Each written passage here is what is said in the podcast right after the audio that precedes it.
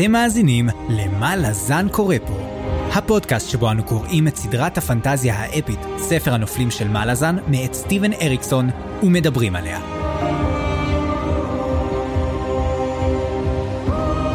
אני צפריר, ואני חיים. והיום פרק מספר 53, שבו אנחנו הולכים לדבר על הפרקים 23 עד האפילוג, ונסיים את החלק הרביעי צעדי עצמות, וגם את הספר צעדי עצמות, הספר השישי בסדרה. בהחלט. אנחנו הולכים לסיים את הספר השישי, איזה התרגשות. אתה מתרגש, ספריר? תשמע, קודם כל אני יכול להגיד דבר אחד, נראה לי שהולך להיות פרק מאוד ארוך, אתה זוכר את הפרקים הראשונים שהיינו עושים אותם, שלוש, ארבע, חמש שעות אל תוך הלילה, רק אני ואתה, והמיקרופון של המחשב, והאיכות הזוועתית, אז אותו דבר בזמנים רק בלי רק איכות יותר טובה אבל נראה לי כי תשמע סיימנו פה um, ספר קודם כל סיימנו ספר ספר שישי שהוא בינתיים ספר מאוד מאוד ארוך. הוא בינתיים אני חושב הספר הארוך ביותר מהספרים וגם הוא מסתיים ב... אמנם יש לו פרק אחד מאוד ארוך אבל גם הפרקים שלאחריו לא קוטלים קנים הולך להיות לנו בעיקרון אה, המון המון המון על מה לדבר עליהם. אז קודם כל מהצופים מהמאזינים ומהצופים יום אחד גם יוכלו לצפות בנו אתה יודע מי שיש לקוח שלוש שעות גם כן. אז אה, אנחנו מודים לכם קודם כל על ההאזנות שלכם וגם כן מתנצלים מראש שקצת יהיה ארוך מדי ותודה רבה לכם. כן אני רק אגיד שמי ששרדו את הפרקים הראשונים ואת כל הפרקים עד כה זה לא מעט פרקים אני חושב יכולים להגיד על עצמם שהם שרדו משהו כמו יגתן.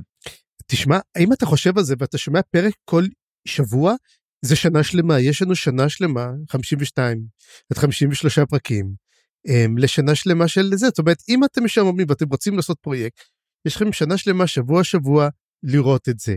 ואתה יודע משהו? למרות כל הפרקים האלו, אני חושב שאני כבר שכחתי מה קרה בפרק קודם, כי אני רק תקוע בפרק הזה, אז בוא תזכיר באמת מה קרה לנו פעם קודמת. בשמחה, בשמחה. בפרקים הקודמים של מה לזן קורה פה. סטיבן אריקסון התעורר מוקדם בבוקר, בערך בשעה שש וחצי, התמתח, התלבש, צחצח שיניים, ולבסוף יצא לבית הקפה החביב עליו, קפה איטליה, שנמצא כשמונה דקות הליכה מביתו. כשהגיע אמר שלום לצוות המוכר והחביב, ולשאלתה של סילביה האם להביא לו את ה-usual, אמר בטח, תודה רבה, באדיבות, והתיישב בשולחן החביב עליו. זה הצמוד לפינה שבאחורי החלל המרכזי. מיד שלף מהתיק את המחשב הנייד, ענה לי שלושה מיילים שלא סבלו דיחוי, ופינה את הראש לקראת מלאכת הכתיבה החשובה מכל. מה לזן. בכל זאת, הספר השישי מתקרב לסיום, וכמו שהקוראים הוותיקים כבר יודעים, הגיע הזמן להכניס עוד כמה מאות עמודים מלאים בטוויסטים, עמים חדשים שזאת הפעם הראשונה ששומעים עליהם, פתרונות לתעלומות שהתחילו כמה ספרים אחורה, ועוד. וכך ישב לו סטיב בבית הקפה כמעט חמש שעות ארוכות, עם כמה עצירות מנוחה, וכתב. על סערת תותתרל בשמיים שנצפתה מאזורים נרחבים בעולם. על כוחות עצומים שהגיעו משום מקום וחברו לצבאות האחים לבית פארן. על צבא תבורש שחזר סוף סוף לחיק האימפריה לקבלת פנים קרה ולא סימפטית, על ערב המשחקים האגדי בהנחיית פידלר, שליטרלי טרף את כל הקלפים על מה שידענו, על המתח הגובר והולך בין תבורה לקיסרית, על משימותיהם החדשות של פיני ובוטל, על האיחוד מנפץ הגולגלות של הליאן ובנסקר במעלה סיפי, על הספק המסתורי של פידלר לרובי קשת וכינורות, על ההמון הזועם, נושא הלפידים והחפצים החדים שמתקרב לצבא תבורה בצעקות מוות לבוגדים הוויקנים, ועל עוד הרבה דברים שיגרמו לקוראים המסכנים ללפות בחוזקה את הספר לכשיגיע סוף סוף לידיהם, ולזעוק בתדהמה ובכעס מתון, מה לזן קורה פה? מצוין, חשב לעצמו סטיב, עוד יום מוצלח של כתיבה וריצוץ תקוות. אם רק היו יודעים מה אני מתכנן לפרקים הבאים. סילביה, אפשר חשבון בבקשה? וואו, תשמע, לקחת את זה יפה, יפה מאוד, אני מאוד מאוד מאוד אהבתי. אה, וזהו זה לאט לאט נכתב פה ספר אתה יודע בלי שאנחנו שמים לב במגוון סגנונות אקלקטי מאוד אבל עדיין מגניב לחלוטין. אז קודם כל לפני שאנחנו ממשיכים הלאה חסות קצרה אנחנו מיד חוזרים. התוכנית בחסות הבר של קופ. לא נמאס לכם שבכל שאר הברים מגישים את אותה הבירה הדלוחה שוב ושוב ומחייכים חיוך מטריד? חדש אצל קופ. שני סוגי בירה מצוינים בשני מסלולים משתלמים, בהיר וזול וכהה פרימיום. הבר של קוק, הבר המוצלח והמדובר ביותר במאלאז סיטי. כי בירה טובה מתאימה גם לטעם וגם לכיס שלכם. וחזרנו. סתם, התוכנית לא תחת שום חסות, אבל היא כן בתמיכת המאזונות והמאזינים שלנו בפטריון. אנחנו עומדים כבר על שבעה פטרוניות ופטרונים ומתקרבים מאוד למטרה הגדולה שלנו של עשרה תומכות ותומכים. אז תודה רבה לכולכן, לכולכם, על כך שאתם מאמינים בנו, שאתם רוצים לשמוע אותנו, וזאת אולי הברכה הנהדרת מכולם, ואנחנו כאן בשבילכם, חולים, בריאים, ונגיע ונעשה את זה. אז תודה רבה לכם, ומה אתה אומר על זה, חיים? מה? מה דעתך על זה? אני אומר שזה נפלא ואני חושב גם שעכשיו עברנו את ה-5500 האזנות למלאזן. וואו. כאשר בשבוע הקודם היה השבוע הכי אה, שהכי האזינו לו ב, בהיסטוריה של הפודקאסט. אני חושב שיש יש גם כל מיני האזנות אה, של מאזינים חדשים אז עד שהם ישמעו את הפרק הזה ייקח קצת זמן אמנם אבל אה, באמת באמת יפה. אז אה, ברוכים הבאים לכולם. וכל הכבוד לצפריר שהתכונן ומקליט את הפרק בעודו אה, מקורנן. תודה רבה, תודה רבה. כל הכבוד. אה, אני מקווה שאני כבר אחרי, אני מאמין שאני אחרי, אני מקווה, אבל חבר'ה, קורונה זה לא פשוט. לא, זה, אתה יודע מה, והכי כיף לחלות את זה בזמן שאתה קורא על המגפה של פוליאל, ואתה מקלל את פוליאל, אתה אומר לה כוס עמק עלייך, מה הבאת לי, וזה, אבל בעזרת, ברוך השם לא יצאתי כמו דוג'ק, אז אה, הנה אפשר לקרוא את זה, לא יצאתי דוג'ק, אז יותר פארן מאשר דוג'ק, אבל אה, כן. יפה, יפה. טוב, אז אה, וכמו שאמרנו על הפרק הזה, הוא התנהל לא בצורה מאוד כרונולוגית. כן ננסה להתייחס לדמויות השונות וכיצד נשזרו לקו המרכזי, כדי שיהיה יחסית כרונולוגי, אבל בכל מקרה נדבר על פרק 23 כיחידה אחת, כי הוא ענק, ענק.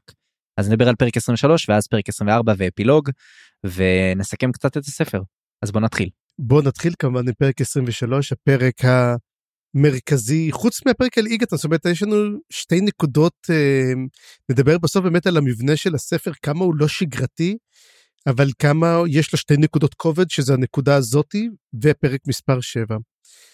ונדבר בעצם ואנחנו קוראים זה הקרב בעצם במלאז סיטי ואנחנו מדברים דבר ראשון קודם כל על הפגישה בין תבור אל אלסין זה החלק הראשון שלנו פה. בחלק שמה אה, תבור יוצאת לפגישה עם לסין והיא מקבלת הוראה שהיא יכולה להביא את מי שהיא רוצה חוץ מאחד את קוויק בן. אז היא לוקחת כמובן את תבורה והיא לוקחת את תבורה לוקחת את אמבר ולוקחת את קלאם. וברגע שהם עולים למעלה קלאם כל הזמן צריך להגיע לידי החלטה וזאת החלטה מאוד מאוד קשה שתהיה לו. השאלה מה קלאם בוחר לעשות? ולקלאם יש המון המון אופציות האם הוא בוחר בלסין או בוחר בתבורה? האם הוא חלק מהצבא ה-14, מהארמיה ה-14, או שהוא חלק מהקלו? וזאת בעצם הבחירה שנותנת לכלם, והיא תקבע את גורלו גם לגבי הספר הזה, וכמובן גם הספרים הבאים. אמ, לא אגיד שזאת הבחירה הכי טובה או לא הכי טובה, אבל אנחנו מיד נדבר גם באמת על הבחירה וגם כן מה הוא יחליט בסופו של דבר. וכשמגיעים הם פוגשים את לבן, אותו שומר מיתולוגי של מוקס הולט, שיושב שם כנראה מימיו עוד של מוק. לבן, אה, אני לא יודע כמה כל כך להתייחס אליו, מי הוא לבן ומה הוא לבן, הוא בסך הכל מין גיבן כזה, שפשוט מין פיצ'ר, אחד הפיצ'רים של מוקסולד, הוא כמו השער עצמו. אה, הוא מופיע בליל הסכינים בתור לבן, אה, הוא נמצא שם, הוא פותח את השער, זה הכל. זה כל התפקיד שלו, זאת אומרת, אין לנו מידע לגבי מי הוא ומה הוא, והאם יש נוכחות. אז זאת השאלה, אתה חושב שלבן הוא מישהו מיוחד? אה, לכאורה לא, אבל, אבל מדוע הוא עוזר לקלאם אחר כך? זאת השאלה. אה, הוא עוזר לכולם. כנראה שיש להם היסטוריה. הוא לא, הוא עוזר לכולם. גם ב-Night of Knives הוא גם עוזר, בלילה הסכינים הוא גם עוזר. זאת אומרת, הוא כאילו מין דמות כזאת שעוזרת, היא מתריעה, היא נגד, היא אנטי קלו כזה, הוא מין, מין, מין מישהו שמנסה לעשות את הדבר הטוב, הוא תמיד יזהיר מי נמצא מאחורי השער. הוא יגיד לך לאיפה אתה הולך להגיע. מין Aha. דמות כזאת, אני לא יודע אם יש סיבה למה או מי הוא, או האם זה מוק עצמו ובעצם לא רצחו אותו, אלא שמו אותו כשומר השער של עצמו, שזה דווקא, אגב... או, תיאוריה. תיאוריה, ש... תשמע, אם אני לא אתן תיאוריות, מתי אני כן אתן תיאוריות, אה? אז הנה, אני אומר, אגב, למרות שהבנתי שקלן רצח את מוק, טאטרסל אומרת את זה, הרי באותו יום היא הרי את המאהבת שלו, אבל אמ, אולי בעצם הוא הכניס אותו לפה פשוט, והיום הוא שומר על, ה, מצב או שהוא אחד שבראש שלו עשה לו הוקוס פוקוס הפך אותו לגיבן והדבר היחיד שיסיר את הקללה זה אם טאטרסל תנשק אותו. too late for that. כן. גם אני חשבתי. וזהו ואז אנחנו מגיעים לפגישה עצמה והפגישה עצמה אני חושב אמ, שכל מה שנקרא וכל הקרבות וכל הדברים זה היה החלק הכי מעניין בכל הפרק הזה. כי אנחנו מקבלים אני חושב תקן אותי אם אני טועה הצצה ראשונה למה שעובר במוח של הסין. ופעם ראשונה שאנחנו בכלל לא מקבלים את הנקודת מבט שלה הרי אבל אנחנו כן מבינים לאיפה היא הולכת ודבר ראשון שמגיעה היא נמצאת יחד עם קורבולודום ומאליקרל. ולא רק שקורבולודום הוא היי פיסט אלא הוא החרב האימפריה הוא מקבל את התואר שמעולם אתה יודע שנשכח על ידי דסה מולטור ומאליקרל גם כן יועץ סתרים ראשי כאילו עוד טו-טו-טו הבן אדם אג'אנקט ועוד מעט מקבל את חרב האות הטרל שלו.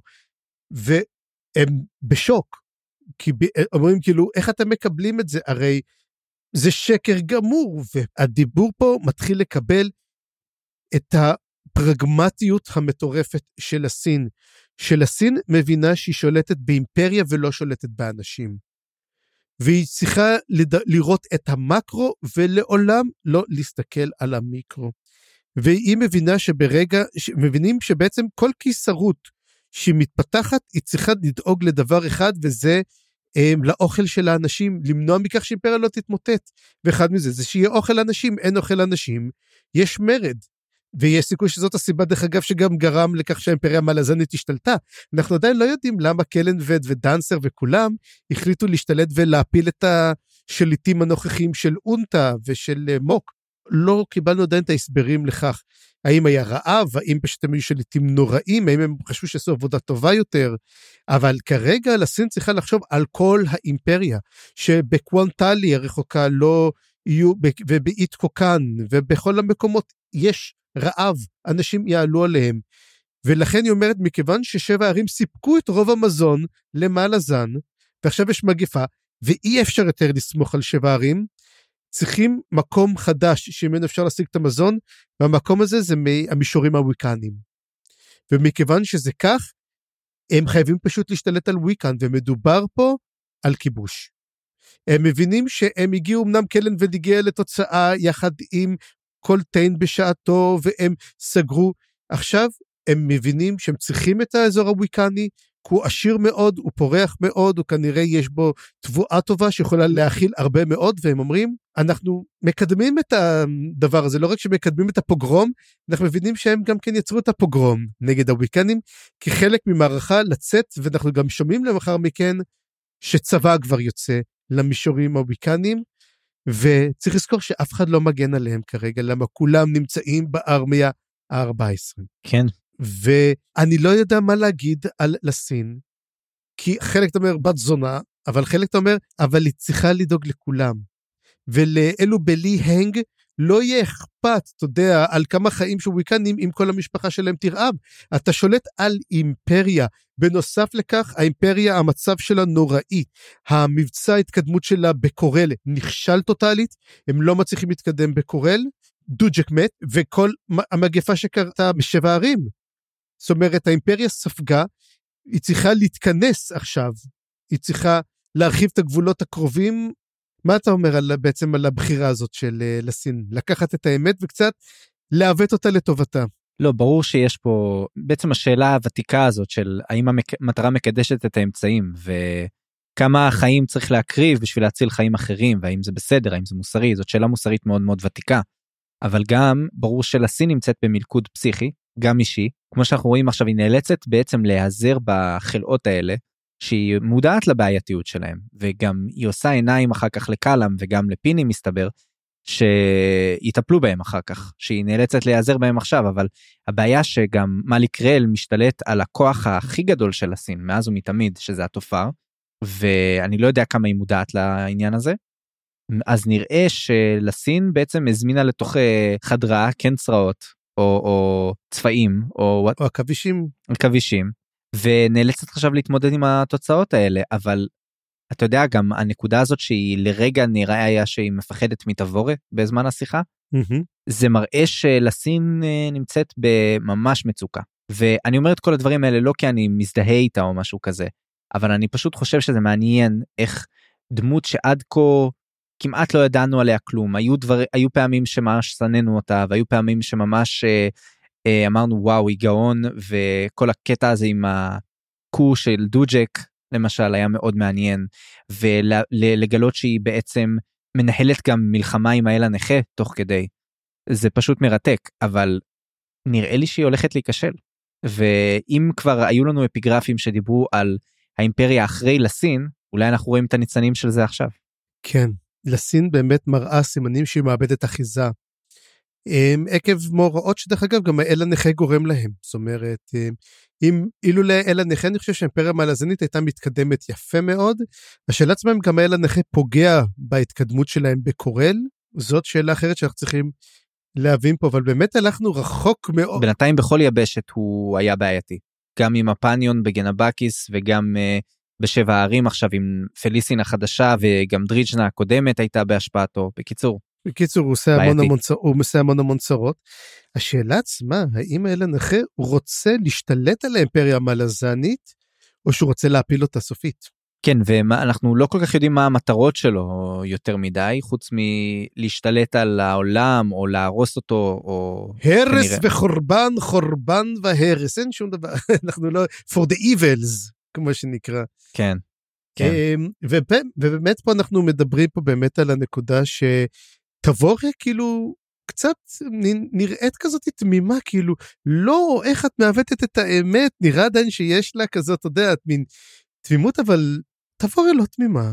בוא נדבר דוגר, דבוריה לא תמימה, ופתאום אומרת לה, איך את עושה את זה? הרי את יודעת מי אלו, ואת קורבולודום, את יודעת מי טוב מאוד מה הוא עשה, ואת יודעת את זה, וכאילו, וממש לסין לוקחת את הזמן ומסבירה לה. אני חושב שהיא עושה את זה בעיקרון, כי היה איזה קטע אחד בשיחה שלהם בסוף שהיא נותנת לה מעין מבט, וכאילו משהו עובר ביניהן.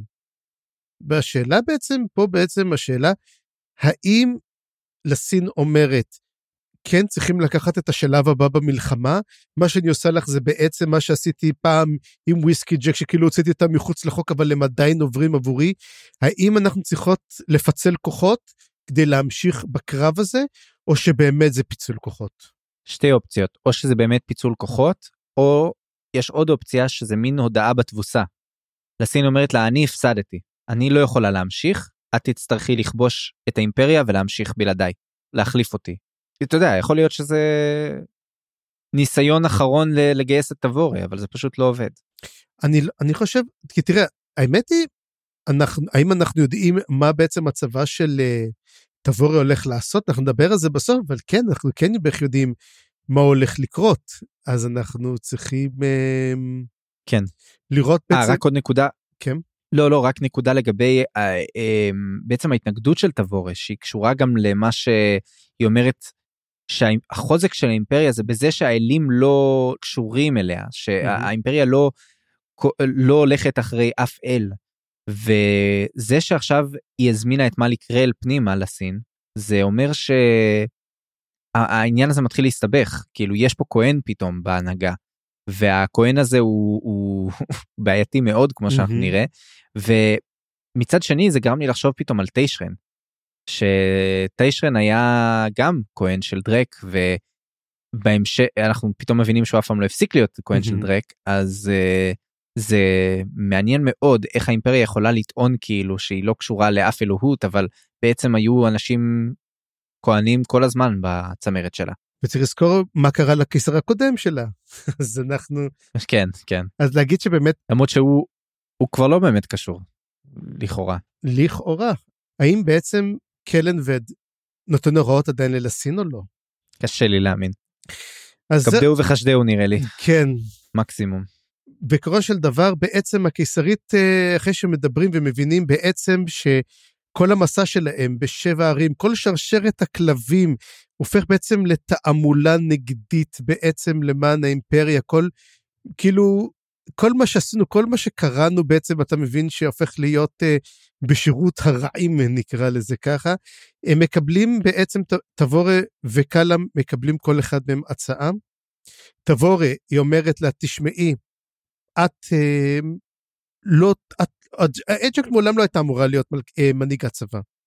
הצבא לא שלך. תעזבי, תחזרי איתי לאונטה, מי שהולך לקבל את הצבא זה כמובן קורבולו דום.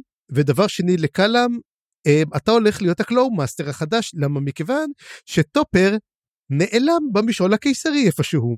עכשיו השאלה, האם הוא נחטף על ידי קצ'ן נרוק, והם עושים לו anal probes? אני לא יודע.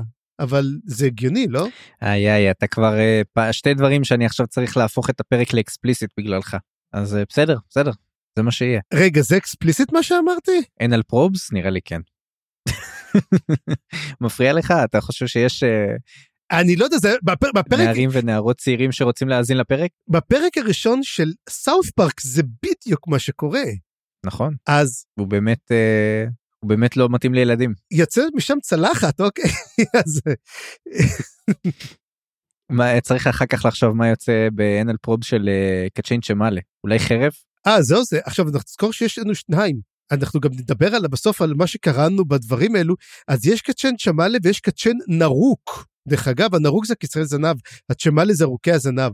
אז מכיוון שאנחנו לא רוצים, אתה יודע, לטעות, אז אנחנו נקרא באמת לקצרי זנב מי ישב קצ'ן נרוק, והם בעצם, הקצ'ן נרוק הם אלו שמניעים את כל הטכנולוגיה, נכון? הם אלו שבעצם משתמשים ב skykeeps. כנראה שכן ו- וגם אני לא יודע איך זה מתחבר לטופר כאילו יכול להיות שזה הם יכול להיות שזה משהו אחר אבל אנחנו יודעים שהוא נעלם וזה מסביר הרבה דברים זה מסביר למה הוא לא מופיע בספרים האחרונים בכלל כאילו. כן אז um, בעצם הוא מקבל הצעה קלאם להפוך ל Claw Master במקום פיני.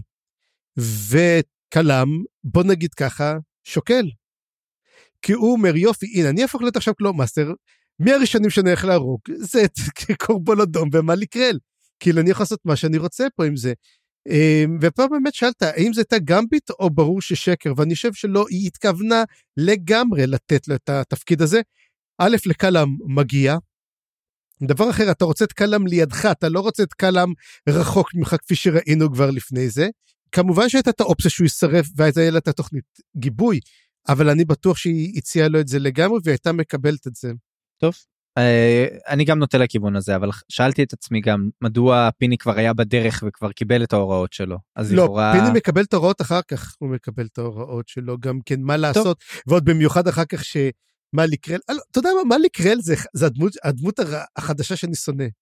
כאילו יש כמה דמויות שאני לא סובל אז הנה מאלי קרל הוא אחד מהם קורבולודום גם כן אז לגמרי ובסופו של דבר הוא אומר לה שהוא די מקבל הם בשלילה והן עוזבות, הם, היא אומרת לה תשמעי, אמ, ודווקא אה, אומרת לה תבוא, אומרת לה תשמעי אני מקבלת את זה, אני אחזור איתך, אבל קודם כל אני רק צריכה לחזור לצבא ולספר להם. שכחתי משהו באוטו, אני צריכה לחזור רגע.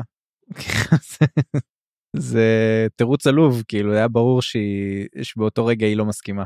כן, די, אבל היא אומרת לה, תשמעי, אני רק, כן, שכחתי, שכחתי את האורות דולקים, את האורות דולקים, אני רק אלך לסגור את האורות ואני מיד מיד חוזר. ובוא נגיד שהיא מתכוונת וגם, איך קוראים לה, כבר מבינה, די עצוב לסין מבינה שהיא לא חוזרת, וזה הרגע שבו מתחיל בעצם הקרב הגדול שאנחנו נמצאים, והן פשוט עוזבים ותוך כדי זה מספרת להם הם, שהם עוזבים. אה, טמבר מגייסת את עזרתו של קלאם. הוא אומרת לו תשמע אנחנו נוכל לעשות את זה אבל אנחנו נצטרך את העזרה שלך כי מתברר שיש משהו כמו שמונה ידיים שנמצאות שם ומחכות להם בינם לבין הרציף ואין סיכוי שהם יעברו כל כך הרבה. וקלאם אומר להם אני אה, ואז הוא צריך לקבל את ההחלטה הוא מקבל את ההחלטה שהוא תומך בתבורה, הוא לא תומך בלסין, הוא לא יהיה Claw Master, ואז בעצם באמת פיני מקבל בעצם את המינוי כמו שכבר די ידעה אותו אה, לסין. ברגע שלסין ראתה אותו יוצאת איתם, היא הבינה שהוא לא נשאר, הוא לא הולך לעשות. ואז, היא, ואז פיני בעצם מגיע לחדר, מדבר, והוא מקבל בעצם את ה... המשימות שלו החדשות, דבר ראשון, תורה להם להרוג אותם, וכמובן מאלי קרל נכנס ואומר, אה כן, ודרך אגב, תהרוג גם את ניל נת'ר ואת קנב. כאילו, והוא אומר, הוא נותן לי עכשיו הוראות, כאילו, מה, מה, מה, ממתי הוא נותן, מי נותן הוראות ל Claw Master? יש את לסין, היא היחידה. איך הוא נותן הוראות לדבר הזה? אבל כן, היא אומרת לו, כן, תהרוג גם אותם, למרות שאומר ניל נת'ר, אומר, הם כבר, הם סבלו טראומה מה... הוא הרי היה איתם, צריך לזכור את זה שהוא היה איתם, הוא אומר, תשמעו, הם עברו טראומה בשרשרת הכלבים, אין להם כוחות. מה אתם רוצים לעשות להם? אין להם כלום כבר. לא, תחסלו אותם גם וגם את קנב. קנב זו הייתה סיבה מאוד מוזרה, למה להרוג את קנב? כאילו... קנב, כי קנב הוא אולי הבעייתי ביותר אם הם רוצים לגולל פה את הסיפור הזה, הוא ובליסטיג הייתי אומר. את שניהם חייבים להרוג, כי חוץ מהם אף אחד לא יודע את האמת עוד. Mm-hmm. טנא ברלטה יש גם, את טנא ברלטה. אה, אבל טנא ברלטה עובר אליהם, וקנב הוא זה שבזכותו ארן ניצלה. גם בליסטיג, כי בליסטיג לא, החליט לו להוציא את האנשים שלו החוצה. נכון, בליסטיג וקנב ביחד. כן, אז ומה שקורה נראה גם, לי שאת שניהם צריך להרוג. צריך לזכור גם כן שבאחד הדברים שבאמת אמרנו, מה טנא ברלטה רוצה לעשות? והוא באמת שמגיע ללסין, הוא אומר, תשמעי, אה, תבורת סיפחה אותנו, ואני כפיסט אומר, אני לא רוצה להיות פיסט יותר, אני רוצה בעצם לפרק את עצמנו מחדש, ומקבל את זה כמובן, גם מנתק את עצמו מאוד מאוד מהר מתבורה וממה שהולך לקרות. ופיני באמת אה, אומר, דבר ראשון שאני הולך לעשות, והוא גם מבין שזאת הוראה סמויה של אה, אה, לסין, תחסל גם את שני אלו גם כן היום בערב, שהם לא יראו אור בוקר, גם מליקרל וגם אה, קורבולודום. ובעצם מה שהוא הולך לעשות, יש לו כבר תוכנית איך לחסל את קלאם, ודבר ראשון, יש לו חצים מורעלים שאנחנו נדבר עליהם, זה יותר קליעים מורעלים כזה ברובי קשת. ודבר שני, גם כן, יש לו גם כן מה שנקרא את היחידות המיוחדות הסוואט טים, שזה בעצם, הוא הבין איך קלאם נלחם, והוא יצר שתי ידיים שהן יודעות איך להילחם כמו קלאם. זאת אומרת, if you want to beat קלאם, you must be קלאם, become קלאם. אז זה, אז אה, יש לך רעיון איך לקרוא ליחידות האלו? כן, קראתי להם קלאמים קטנים. איך, איך קראת להם? tiny Kalams. tiny Kalams. Uh, כן, אני רק אגיד שברגע שקלאם מחליט את ההחלטה הגורלית שלו, אז גם אנחנו שומעים פתאום את המוזיקה של פידלר, וזה מאוד מאוד מגניב, אנחנו נדבר עוד מעט על המוזיקה של פידלר, אבל היא מופיעה בכל מיני נקודות מפתח בפרק הזה, וזה ממש מתחבר גם לקריאת קלפים שלו, שזה מרתק. כן, גם כן אנחנו נדבר גם כן על זה. ואנחנו נדבר באמת קצת על הדמויות האחרות שמתחברות לעלילה של אותה שלישייה שהולכת והיא נכנסת לקרבות מאוד מאוד מאוד מאוד מאוד ארוכים. וקודם כל נתחיל מקנב ומהארמיה, ואנחנו מבינים שהמצב מתחיל להיות קשה, והצבא ממש, הצבא, ההמון משולהב על ידי uh, מוקרה, על ידי uh, מה שנקרא ה-Warren of the Mind, והם מתחילים לקבל שלהוב. Uh, אנחנו יודעים על ידי מי? אין uh, תשובות, אבל אנחנו רואים שיש מאגים בתוך הקהל. mm-hmm. בתוך ההמון. בקיצור, אבל ידוע שזה כמובן ככל הנראה קלוז, כנראה שמטפחים את זה, שעושים את זה וקוראים לקהל להשתגע. לא רק זה, אלא יש גם כן אה, צבא, הם פשוט על, על אזרחי, והם מתחילים לתקוף, וקנב מבין שזהו זה, מתחילה פה מלחמת אזרחים, הדגלים כבר לא יעזרו, ויש את רינג עדיין, אה, ריינג אותו אחד, הוא מתחיל להתווכח איתו, ותוך כדי זה קוריק אה, יורה בו חץ והורג אותו. ובעצם קובע סופית שהם הופכים להיות ל-outlaw side ודי מעביר אותם לשם. אני רק רציתי לומר בנקודה הזאת גם שקוריק הוא, הוא דמות מאוד מעניינת כי הוא מקבל קצת uh, יותר עיבוי בפרק הזה ואנחנו צריכים לזכור שהוא חצי סטי והנאמנות שלו לוויקנים היא קצת יותר עמוקה פתאום. אנחנו רואים שהוא ממש uh, um, מקבל כאילו את, ה, את התפקיד הזה כאילו הלא רשמי של um, הנאמן לוויקנים או העוזר לוויקנים ולמרות שכל הצבא נאמן להם כרגע הארמיה 14 אבל הוא מקבל את התפקיד של ממש לדאוג להם ולהראות עד כמה הוא שונא את השקר החדש. כן. באמת קוריק הוא דמות שאנחנו ראינו אותה רק פשוט עם הפטישים לא כל כך קיבלנו את זה וזה היה באמת כיף לקרוא קצת עליו. תמיד כיף לקרוא על דמות שאנחנו לא כך מכירים. וזהו, זה הארמי 14 מחליטים, כמו לפני זה, שדר תבורז און, הם הצבא של תבורה, הם לא הצבא של הסין, ולמעשה יש לנו מלחמת אזרחים שמתחילה. ואז קנב מדבר עם רן טובוריאן, איך קוראים לו? טורביאן? אני לא טרחתי לזכור את השם Mm-hmm. שלו כל כך. ה Destriant. אה, ה Destriant, הגבר היחידי, כל השאר הם אה, נשים, גם ה Shield Anvil וגם ה Mortal Sword הם, נשים, ורק ה Destriant הוא גבר, קוראים לו רן אה, תובריאן, אם אני לא טועה, תורביאן, ואומר לו, דרך אגב, הוא אומר לו, תשמע, ורן, כאילו, הוא, נ- הוא כאילו מין נורא cool, והוא מבין את זה, ואומר, כן, יודע, הוא אומר, לא רק את זה גם כן, הוא אומר, גם Claws עומדים להגיע. זאת אומרת, הוא ממש מרגיש את זה, וכאילו, קנב לא יודע כל כך איך הוא יודע את זה. וגם כן הם אומרים, טוב, אנחנו צריכים uh, לפנות לקוויקבן, תעזור לנו, וקוויקבן, הרי כל הזמן הזה הוא הסתתר, הוא היה בתוך, ה, uh, בתוך ה hold, הסתתר ולא רצה שיראו אותו, ואז פתאום הם באים ואומרים, תשמעו, אין לנו את קוויקבן, קוויקבן uh, נעלם לו, אנחנו, איך, איך, איך אמר את זה בשעתו יהודה ברקן, אנחנו עוד נשוב אליו, אנחנו נראה באמת מה קורה עם uh, קוויקבן, וזהו באמת, ובאמת אמרת על הכרת התודה של ניל ונטר, אז מה רצית להגיד על זה? רק רציתי לומר שזה מאוד מעניין איך ניל ונדר הם בעצם הנציגים פה של הוויקנים והם רואים מה שהצבא מוכן לעשות להם וזה היה קטע מאוד מרגש לראות שהם מבינים את ה... את- מה ההקרבה העצומה פה שתבורי והצבא שלה עושים בשבילם וזה פשוט אה, פשוט היה יפה לקרוא את זה.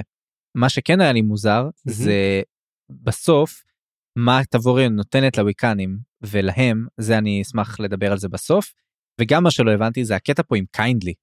כאילו קיינדלי מקבל פה איזה סצנה קצרצרה שהוא נמצא בספינה שלו רחוק מהמזח וכאילו הסגן שלו פורז אומר לו יאללה מה אנחנו הולכים מצטרפים מה קורה וקיינדלי אומר לו לא אתה צריך ל- ללכת עם הפקודות שלי והפקודה שלי כרגע היא לא להצטרף מה מה קורה שם זה פקודה של אה, תבורה או שהוא מתנגד פה ללחימה איכשהו הוא מתנגד, אני לגמרי ראיתי שהוא תומך בלסין. הוא הרי, קיינדלי הוא איש הצבא המושלם, הוא הולך על פי הוראות, הוא אומר, יש את הקרב הזה, אנחנו לא מתערבים בקרב, זה קרב של אה, תבור לסין, ואנחנו תומכים בלסין. אני חושב שאנחנו לא נראה את קיינדלי בארמיה ה-14, אני חושב שהוא אה, פרש, וזה מראה גם כן מעניין, שלא כל הצבא של אה, תבורה תומך בה בעיניים עצומות. יש אנשים שיש להם חשיבה עצמאית, וצריך לזכור את זה, שלא כולם תומכים בתבורה, ותבורה היא גם הייתה מאוד מאוד סניקי גם. צריך לזכור שלא אמרה את הכל, קיינדלים לא אהב את צורת הניהול שלה, הוא מאוד לא אהב את מה שקנב עשה, הוא אמר הצבא הזה בקושי מתפקד נכון, אמ, ובסופו של דבר שהייתה את האופציה, הוא אומר, כן, אנחנו פורשים, נקודה. הגענו בחזרה, אמ, יש פה את לסין, אנחנו לא מתערבים. טוב אה, אם כך אה, אני אולי אשקול למשוך את הפרסומת שיש לנו בשביל קיינדלי. אנחנו גם כן, צריך להגיד, אנחנו כ... כפודקאסט לא לוקחים צד במלחמת האזרחים המלאזנית, אנחנו מקבלים מכולם אה, חסויות, אז זה בסדר, אנחנו לא לוק- לוקחים צד. אנחנו שווייץ, טוב, טוב. ש- שווייץ של מלאז. טוב היה- בסדר לא, תגיד- בסדר תגיד לי. אבל את מה לקרוא אני לא אוהב. אף אחד לא אוהב את מה לקרה לו, אוקיי? זה בסדר. אגב, יש לי שאלה, יש איזה מקום באימפריה המלאזנית שהוא כמו שווייץ, אתה יודע, שלא נלחמים בו? כי כל מקום שנכנס אליו, יש מלחמה. יש את הצבא, יש את זה. יש איזה מקום שהוא... כן הוא- אה, האיש של אה, משמם הסגו, הסגו, האיש של הסגולה? האיש של הסגולה. כן, הם- אני הם חשבתי נלחמים זה. אה, בתור ספורט אבל לא נראה לי שהם משתתפים במלחמות. תגיד את זה לאלו שהצטרפו למלחמה נגד הפניון. כן. כן, אין, אין מקום כלשהו. איזה, איזה עולם נוראי, אם אתה חושב על בח- מבחינת עולם, זה עולם שכל הזמן במלחמה. עצוב.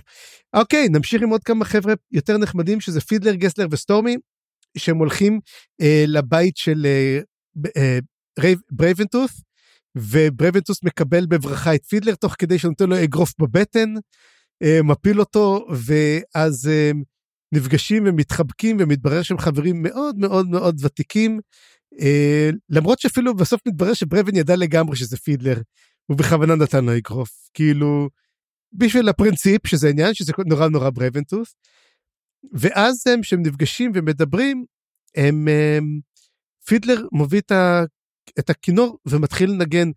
ואתה יודע, זו פעם ראשונה שבעצם פידלר מבינים שהוא כן למד לנגן. הרי אם אתה זוכר, בספר הראשון שיש לו את, את, את הכינור המפוחם, אומר לו, למה יש לך כינור? אומר, אני למד לנגן יום אחד, ומתברר שהוא מצא את הזמן לנגן. ופידלר יודע לנגן טוב, וגם הנגינה שלו מאוד מחושפת. הם מתחילים לדבר, כן. ולפני שהם מתחילים לדבר, הוא מבקש שייתנו לו את שמות הנופלים. הם מזכירים את, וכל אחד מזכיר את שמו, וחלק, וחלק מזכירים באמת גם כן את קלפ, ומזכירים את בודן, ומזכירים את uh, וויסקי ג'ק, ומזכירים ממש את כל, מה שכל אחד מהם עבר. צריך לזכור שסטורבי וגסלר עברו את זה בספר השני עוד, את כל הסיפור הנורא הזה, וגם כן את, uh, שקלפ היה חשוב להם. גם את פליסין הראשונה הם מזכירים. נכון, וגם, את, של, uh, וגם את, את מצלינגר, גם כן שמת לא מזמן. ואז הוא מתחיל לנגן, והוא מתחיל לנגן כאילו בעצם את נעימת המתים, נקרא לזה, ואתה יודע מה זה הזכיר לי? זה הזכיר לי מאוד שירת אה, קימלוק. נכון, לגמרי. אני כתבתי פה תיאוריה של חיים, אבל התכוונתי לזה. כאילו, אה. שירת הטאנו, שגם, אגב, פידלר הוא זה שהיה לו את האינטראקציה עם uh, קימלוק. בדיוק. לקח ממנו את השיר של uh, זה, אז יכול להיות שבעצם תמיד היה לפידלר את היכולת לעשות את זה, והוא פשוט לא ניגן. או, או יש לו את הקישור הזה, או לחלופין אולי הוא קיבל משהו ברגע שקימלוק לקח ממנו את השירה. יכול להיות שהוא גם קיבל ממנו את היכולת לעשות את זה או למד ממנו משהו mm-hmm. מרתק. או אולי זה קרה בלילה של הלחימה שם שקמו שורפי הגשרים ו...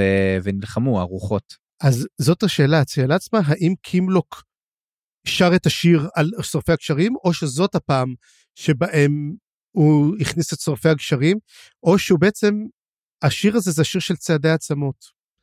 וזה בעצם הרי תזכור שכל פעם שיש את השיר או הם מקבלים את השם. תמיד אנחנו אומרים שהם מקבלים את השם.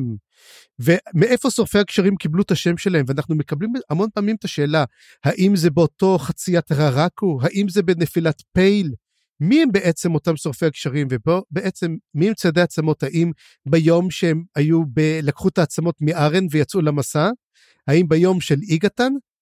או כאן, כשהם הכריזו בעצם על התמיכה שלהם בלסין, סליחה, בתבורה, ויצאו כנגד האם פה הם נכנסים? ונראה לי שהצבא הזה הוא אלו שבעצם שרים אליהם באותה שירת, אה, השירה של פידלר. אני חושב שזה דווקא הנופלים, אה, מתמקד בנופלים גם, מכיוון שזה מה שהוא מבקש, השמות האלה, אז אני חושב שאולי הוא מנסה להפוך אותם לנשגבים, כמו שראינו מקודם, או שאולי אפילו לא, אבל כן מתמקד בנופלים, ואני חושב שזאת הסיבה ש... אנשים כמו קלאם שומעים מאוד חזק את המוזיקה הזאת. כאילו כל פעם שהוא בוחר את הבחירה שהולכת לגרום לו ליפול mm-hmm. אז הוא שומע את המוזיקה הזאת מאוד חזק פתאום וזה היה מרתק לראות את זה בכל לכל אורך הפרק. כן ואחרי שהוא מנגן את השיר הזה הוא עובר לשיר אחר הוא מנגן את uh, שירת הפרלט גם כן מין מאוד מזכיר אתה יודע בעצם את הקסמים העתיקים נראה כמו ש... שפידלר הוא כמו שמן כזה שיש לה את היכולת לעשות את הקסמים העתיקים, אתה יודע, קריאת קלפים מאוד מוזרה, נגינה. אני חושב שהוא spirit walker, בעיקרון, ולמעשה, אמ, טאנו, קימלוק זיהה אותו. אנחנו לא יודעים עדיין מה המוצא בדיוק של פידלר, אנחנו יודעים שהוא היה מאותו מקום שבו היה וויסקי ג'ק, אבל אנחנו יודעים מאיפה הם בעצם, אמרו מאיפה הם, הם מקוון טאלי, הם. נראה כמו קוון טאלי או, או משהו כזה. כן, אבל איפה בקוון טאלי? מאיזה שבט? מאיפה, מאיזה עיר הם הגיעו? לא ברור לי. אבל uh, רציתי כן לומר על השיר הזה, שירת הפרלט, שפרלט הרי אמרנו זה גם uh, עכביש וגם uh, נחש. נכון. אז יש מה שנקרא סגנון מוזיקלי של נקרא טרנטלה, וזה מוזיקה מאוד קצבית כזאת. וקוראים לה טרנטלה כי האנשים שרקדו את הטרנטלה נראו כאילו קצו אותם מחבישים, והם נראו כמו משוגעים כאלה, ו... אני חושב שזה מרתק כי שירת הפרלט זה נשמע לי כמו ממש אה, מחווה לזה כי הוא עבר לשיר קצבי כזה ושמח אבל בעצם היה בו משהו גם קצת מטורף קצת משוגע ודווקא בדיוק כשהוא התחיל אה, לנגן את זה זה היה כשקלאם נורה על ידי פיני בהמשך זאת הייתה בדיוק הנקודה. זה מרתק. כן צריכים אה, האמת היא יש לנו המון כי, כי, כי אני אגיד למה רגע רגע למה כן. כי, כי הוא נורה על ידי חץ עם פרלט כן נכון עם, uh, רעל פרלט פרלט של עכביש לא של נחש צריך לזכור גם את ההבדל. כן. Uh, גם כן ירייה שתעלה בחייו של uh, פיני על בגידת בוא נגיד איך קראת לזה אמנת ג'נבה אהבתי וצריך לזכור שבספר הזה המוטיב הגדול ביותר אנחנו מתחילים וגם מסיימים דרך אגב באותה נקודה של עכבישים. של הרשתות שבו כל אחד נמצא, מי מתנתק מהרשת, מי כלוא ברשת, האם אנחנו יכולים לצאת מהרשת. אנחנו באמת נדבר על זה באמת, ה, אתה יודע, המלכודת, הריקוד, השיגעון, כי בעצם, מה עושים עכבישים? הרי הם לוכדים אותנו, ומרעיל, ועוקצים אותנו, ואתה יודע, גורמים לנו להשתגע, גורמים לנו למות, ותוך כדי שהם טובים את החוטים שלהם. ובעצם השאלה, מי אנחנו בסיפור הזה? אנחנו עכבישים או אנחנו עוד קורבן אחד? כל דמות צריכה לשאול את עצמה את אותה שאלה. זאת שאלה מעניינת גם כן. ופה בדיוק, בקטע הזה, ופה, כמו שאומרים, והרי הרגע המוזר בספר. או הרגע הכי לא ברור, או ה deus ex machina, דפיקה בדלת, נפתח את הדלת, ומי נמצא שם? לגנה בריד. הוא אומר, היי, סטורמי, תביא את החרב שלי, וכזה מין. רגע, אנחנו כבר explicit, נכון? what the fuck? אה, יש לי מילה אחת בשבילך, צפריר, זה נקרא convergence, uh, you should try it sometime. אוקיי, okay. יש לי שאלה רק, כי אני לא בדיוק זכרתי, אמרתי רגע, לגנה בריד זה לא זה שנכנס לתוך הפער בשמיים? נכון, הוא נכנס ל rent. כן, אז מישהו החליף אותו? אה, או שמישהו החליף אותו, או שמשהו סגר את ה rent הזה, או whatever. יכול להיות שהשינויים שעוברים עכשיו על משעול אה, קורלד אמורלן, איכשהו שחררו אותו. אז זאת, אנחנו לא יודעים אם הפער הוא לקורלד אמורלן, אנחנו יודעים שזה פשוט קרע בעולם, אנחנו לא יודעים לאיפה הוא. שאלה, שאלה. אז אני חשבתי שזה לנצח, לא? כי תזכור, הפניון, אחותו של הפניון הייתה תקועה שם. זה לא באותו מקום. זה, זה אותו מקום. רנט ו... ו... לא. כן, זה אותו רנט היו. הם הרי היו תקועים, היא הייתה תקועה שם, זה כל הסיפור של למה עושה את כל הדבר הזה. כן, אני חושב שזה היה רנט אחר. זה היה רנט במקום אחר בעולם אפילו. לא, זה היה שם בגנבקיס בדרום. טוב, אני חושב שזה לא אותו דבר, אבל יכול להיות שהמאזינים שזוכרים משהו יותר, אז uh, בבקשה. מוזמנים uh, לומר לנו מי טעה, צפריר או אני. Uh, נראה לי זה מקום אחר. זה חיים טועה. בסדר, אוקיי. הוא לא שומע, אני מדבר חלש. אוקיי. ואז מגיע לגאנה ואומר, אוקיי, קדימה, אה, מנציח את החרב שלי, ואומר, ואומרים לו, כאילו, מתחילים לדבר כאילו על תשלום, מה אתה צריך לשלם לו, על החרב, או מה הוא נתן לך. בקיצור, אה, מתחיל פה איזה עניין של חוב, שהוא מדבר גסלר, ואז הוא אומר לו, אני רוצה שתלוו אותי בחזרה לספינות. ואז הוא אומר לגן הברית, קורא לסטורבי שילד אנביל, לא פחות, שילד אנביל. כאילו כמה שילד אנביל אנחנו יכולים לקבל, אה, ועוד יותר מדי. של מי הוא בכלל? לכאורה הוא של פנר, כי הוא התחיל בתור מהכת של פנר, נכון? הם היו שלושתם מהכת של פנר. כן, הם היו, אבל אז מי עכשיו? של עוד פעם של טוג ופנדרי? כאילו, אין לנו מספיק. אבל כמה, כמה שילד אנביל צריך? בדיוק. לדעתי זה יותר מהעובדה, אה, הוא קרא לו שילד, שילד אנביל, לא בטוח שהוא קשור לאל מסוים, כי למרות שאם כן זה מעניין של מי אבל מהעובדה שאנחנו רואים שסטורמי מאוד מגיב למוות של אנשים לנופלים הוא מאוד מאוד uh, עצוב עליהם הוא בעצם לוקח את הנשמות שלהם איתו וזה בעצם מה ש shield anvil עושה הוא לוקח סבל של אנשים איתו וסטורמי ממש מגלם את זה. אז אולי זה יותר כמו קריאה של האישיות שלו יותר מאשר הוא באמת shield anvil יכול להיות שככה פשוט לגנה בריד רואה אותו כ shield anvil כזה אבל למרות שהוא mm-hmm. לא באמת. יכול להיות כי אנחנו צריכים להבין גם כן שעכשיו יש לנו גם את הבוריק כ shield anvil יש לנו גם את סטורמי כ shield anvil אמ, יש לנו את אמ, טוב איטקוביאן כבר לא איתנו אבל וכל השאר בעצם יש לנו עוד שילד אנביל גם כן של הפריש שאנחנו לא זוכרים את שמם כי דוגרים לא הופיעו כמעט דמות הם לא מופיעים. הם גם לא כתובים בדרמטיס פרסונה כאילו יאללה אם כבר בשביל אם, אם יש דמויות שצריך בשבילן זה זה לא? כן ברור. ואז בעצם הם אומרים טוב לגן הברית אז בוא תעזור לנו אם כבר אנחנו תקועים פה אז בוא תעזור לנו לחזור בחזרה לחוף למה פשוט רוצים לרצוח אותנו אנחנו צריכים להגיע לספינות בחזרה. ואז, ואז בעצם אה, גסלר עושה כזה מין ניתוח לאישיות של לגן הברית ואומר לו רגע אתה לא אכפת לך מזה נכון? נכון? ולא מזה נכון? אומר נו אתה מרין מלזני הרי זה מה שאתה. ופתאום לגן אומר אומר נכון אני מרין מלזני ואני אעזור לכם ואני אלך איתכם. וזה היה קטע נורא נורא קטע מצחיק ובעצם התוספת החדשה למאזן זה לגן הברית. עכשיו תזכור שלגן הברית זה מין וואחד נפוח ומלא בשרירים כזה, בעצם הוא ענק. זה תלני מס ענק. תלני מס מאוד מאוד uh, בנוי לתלפיות, נגיד את זה ככה.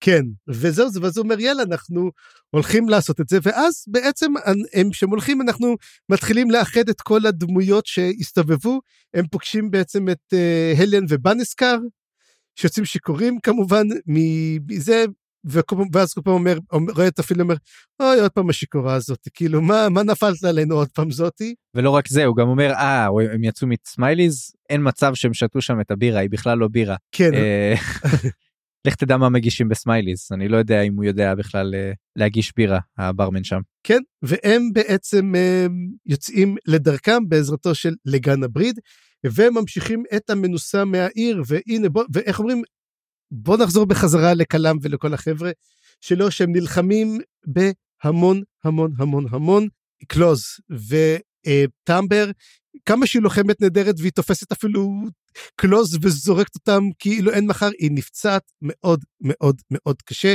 עד אפילו שקאלה אומר אין סיכוי שהיא שורדת את הדבר הזה.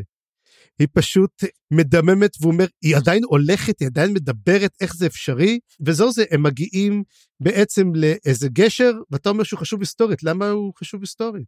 כן, כי אני חושב שזה אותו גשר שאחר כך פידלר אומר עליו, או סליחה, קאלה מסתכל עליו ואומר, אני זוכר את הגשר הזה נשרף. ולדעתי זה בדיוק הגשר שמדברים על שורפי הגשרים, זה מקום הולדת שורפי הגשרים.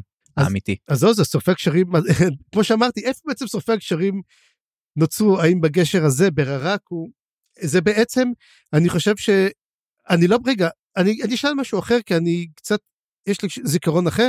הם, הרי הם מדברים בעצם על, על הטבח שקרה ב, ברוב העכברים, נכון?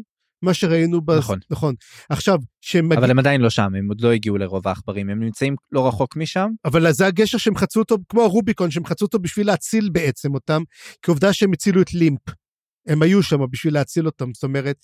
כן, הם, כן. אז עכשיו, אבל יש לזכור, כשהם מגיעים, בדיוק לפני שהם החליטו את ההחלטה הזאת שיש את גנו אספרנט, כנראה דרך אגב, המפגש עם גנו אספרנט, שהוא היה ילד והם ראו אותו מלמעלה, נראה לי שזה כל המפגש עם גנו אספרנט גרם לפידלר ולוויסקי ג'ק להחליט להציל את האנשים.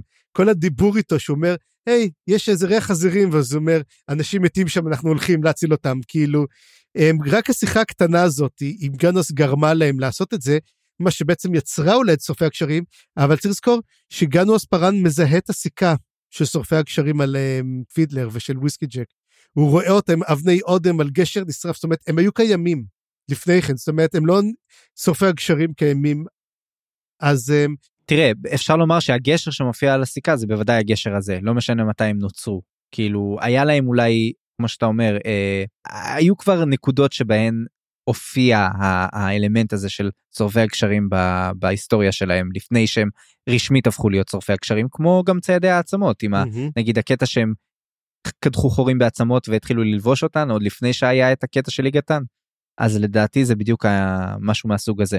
נגיד ככה הגשר קשור מאוד להיסטוריה של שורפי הגשרים גם אם הוא לא הגורם הראשי להפיכתם לשורפי הגשרים. אתה אומר זה חלק מהמורק שלהם. חלק מהמיתולוגיה שלהם. כן. ובסופו של דבר אה, מגיעים לגשר, ואז קאלה מציע להם להתפצל. הוא ייקח בעצם יחד איתו את התופרים לרוב העכברים, שם הוא יוכל קצת יותר להתעסק איתם, בזמן שתבור ואת האמבר ינסו, הוא בעצם מקריב את חייו, הוא אומר, אין סיכוי שאני יוצא משם, אבל הוא אומר, לפחות נעשה את זה, כי גם כן הוא, לא, הוא רואה את האמבר גם לא מסוגלת, הם חייבים, הם חייבים לסגת, שתגן כמה שתוכל להגן על uh, תבורה, שהיא תוכל להגיע לספינות ותוכל, כי אחרת יהיה פה טבח המוני. כן, וגם, אני, אני לא בטוח שהוא גם, ברור לו שהוא הולך למות, אבל הוא אומר, אם הסיכוי הכי טוב שיש לי זה ברוב העכברים, שאני מכיר אותו טוב מאוד, הרבה יותר טוב מכל אחד אחר. כן. ומה שקורה, קלאם אומר, טוב, עכשיו אני צריך את השייבד נקל אה, שיש לי, ויש לו את הבלוטים, אתה זוכר את הבלוט הזה שכבר הופיע שם כמה פעמים, והוא לוקח את הבלוט והוא זורק אותו ואומר לקוויקבן, קוויקבן בוא. וקוויקבן דופק לו ברז, ואנחנו נגלה שזה מאוד מאוד קריטי. דרך אגב שקוויקבן לא מגיע. כן, הוא ניסה, הוא ראה שיש לו בעיה שם עם המשעולים, הוא פתח את ארבעה משעולים, ניסה לעבור דרך אחד מהם, ואז אה, הוא שמע קול והוא נחטף משם. אז אנחנו נראה בהמשך מה קרה לו שם. כן, ובסופו של דבר קלאם אומר, טוב, זאת הבעיה באמת, שיש לך שב נקל, לא תמיד הוא עובד. ובעצם הוא הבין שהוא לבד, הוא מתחיל להילחם מול אותם טייני קלאמס, והוא נלחם נגדם, אה, מחסל אותם, אבל הוא נפגע גם קשה, ובסופו של דבר, אה, פיני שנמצא בצד אומר, או, oh, נמאס לי כבר מכל השטויות האלו, פשוט יורה בו קליע עם פרלט לבן של עכביש. עכשיו, ירייה כזאת משמעותה מוות, וגם זה לא מוות, זה מוות בייסורים, מכיוון שהוא שותה לך את הדם, וכל פעם צריך דם, ובעצם הוא יוצר לך כאבים אינסופיים שבא לך פשוט למות ואתה לא יכול למות. וכל אלו שמסתכלים עליו, כל האחרים אומרים, תגיד לי, מה אתה עושה? נותר אחד, אני חושב, רק אה, קלו אחד נותר מה, מהטבח הזה, ואז הוא רואה את, את פיני כן. עושה את זה, ואז פיני יורה בו. כן, כאילו, you knew too much, ולמעשה אומר לו, והוא, אגב, הוא, הוא, הוא נטש אותו, הוא נטש את ה Claw באותו רגע.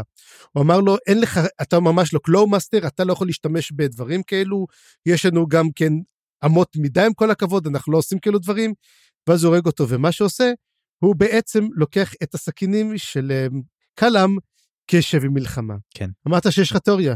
כן, לדעתי זה נקודה, זאת נקודה ברורה של אה, התערבות של אופון. היו כמה כאלה במהלך הפרק וזאת אחת מהן.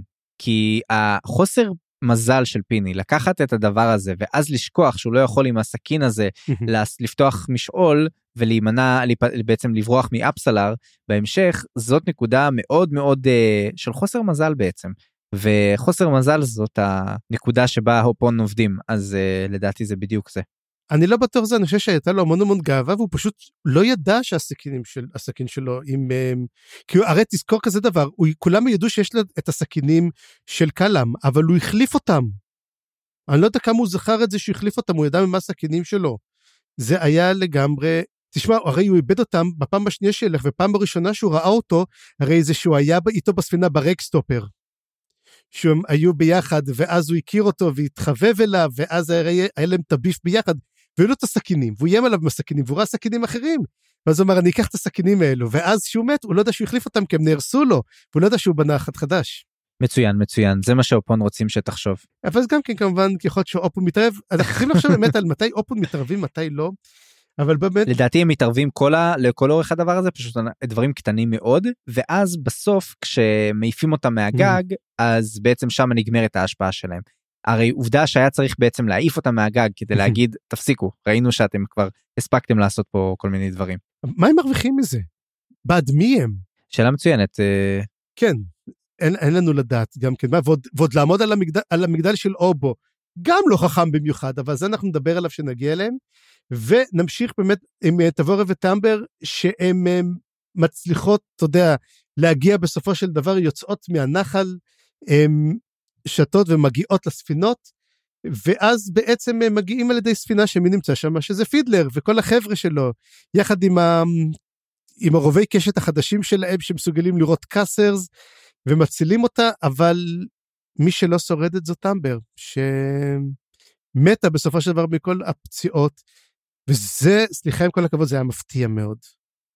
כן, אה, דמות שלא ידענו עליה כבר כמה ספרים לא ידענו עליה כמעט כלום וברגע האחרון אנחנו מגלים שיש לה כוחות מטורפים והיא פתאום גם מתה וסוג של הקרבה מוחלטת כזאת בשביל תבורי גם וזה לא ברור בכלל וגם אה, נדבר עוד מעט על מה אה, מה שאומרים עליה מי היא הייתה וזה פשוט מרתק מרתק. Mm-hmm. אז חיים בוא מעלה יותר שאלות מתשובות כן יש לי הרבה שאלות על זה וגם החרב אה, הולכת לאיבוד חשוב לומר. חרב אוטטרל. כן. שזה גם סימבולי. זה בעצם להגיד שזהו היא כבר לא adjunct. כן אתה חושב שמי שהולך לקבל את אה, שמה לקרוא לא הולך לקבל את החרב הזאת? או קורבולו דום. טובה מאוד. או adjunct חדש. כן יהיה מעניין לראות אם יהיה לנו adjunct חדש.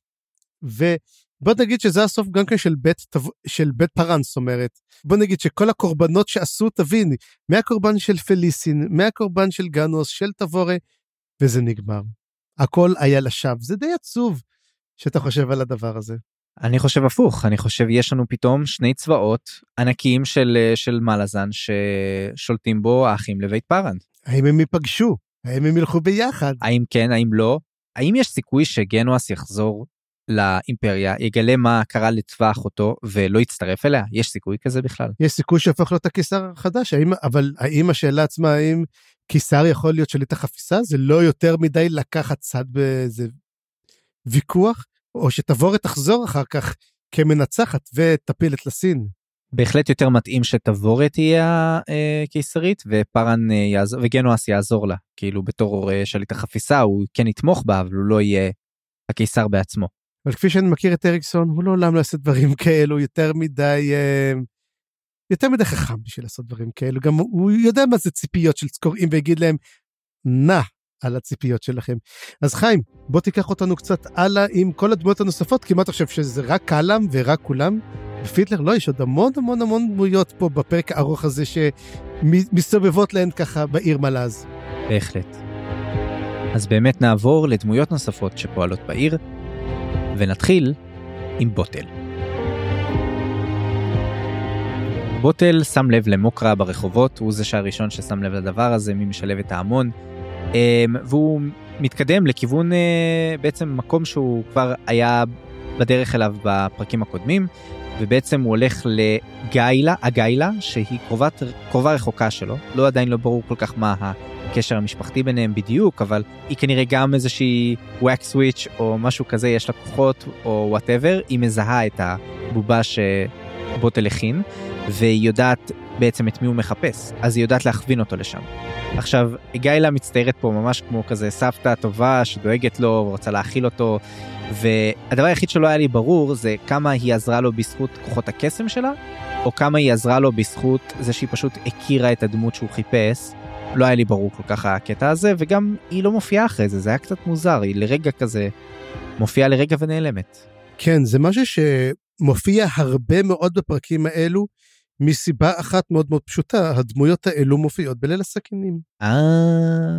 אז רוב הדמויות שאתה בא ואתה אומר מאיפה אני מכיר אותם מאיפה זה הם אני חושב שהם נועדו לקדם את הספר של אסלמון.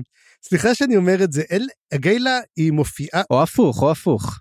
או הפוך אתה יודע וואו או שאתה אומר לעצמך רגע לא לא הפוך אתה יודע רגע חשבתי רגע על הפוך הפוך זה לא עובד זה לא שאני רגע וואו יש ספר של אסלמונט אבל אבל לא בטוח אם אני אקנה את החדש של אריקסון אתה יודע.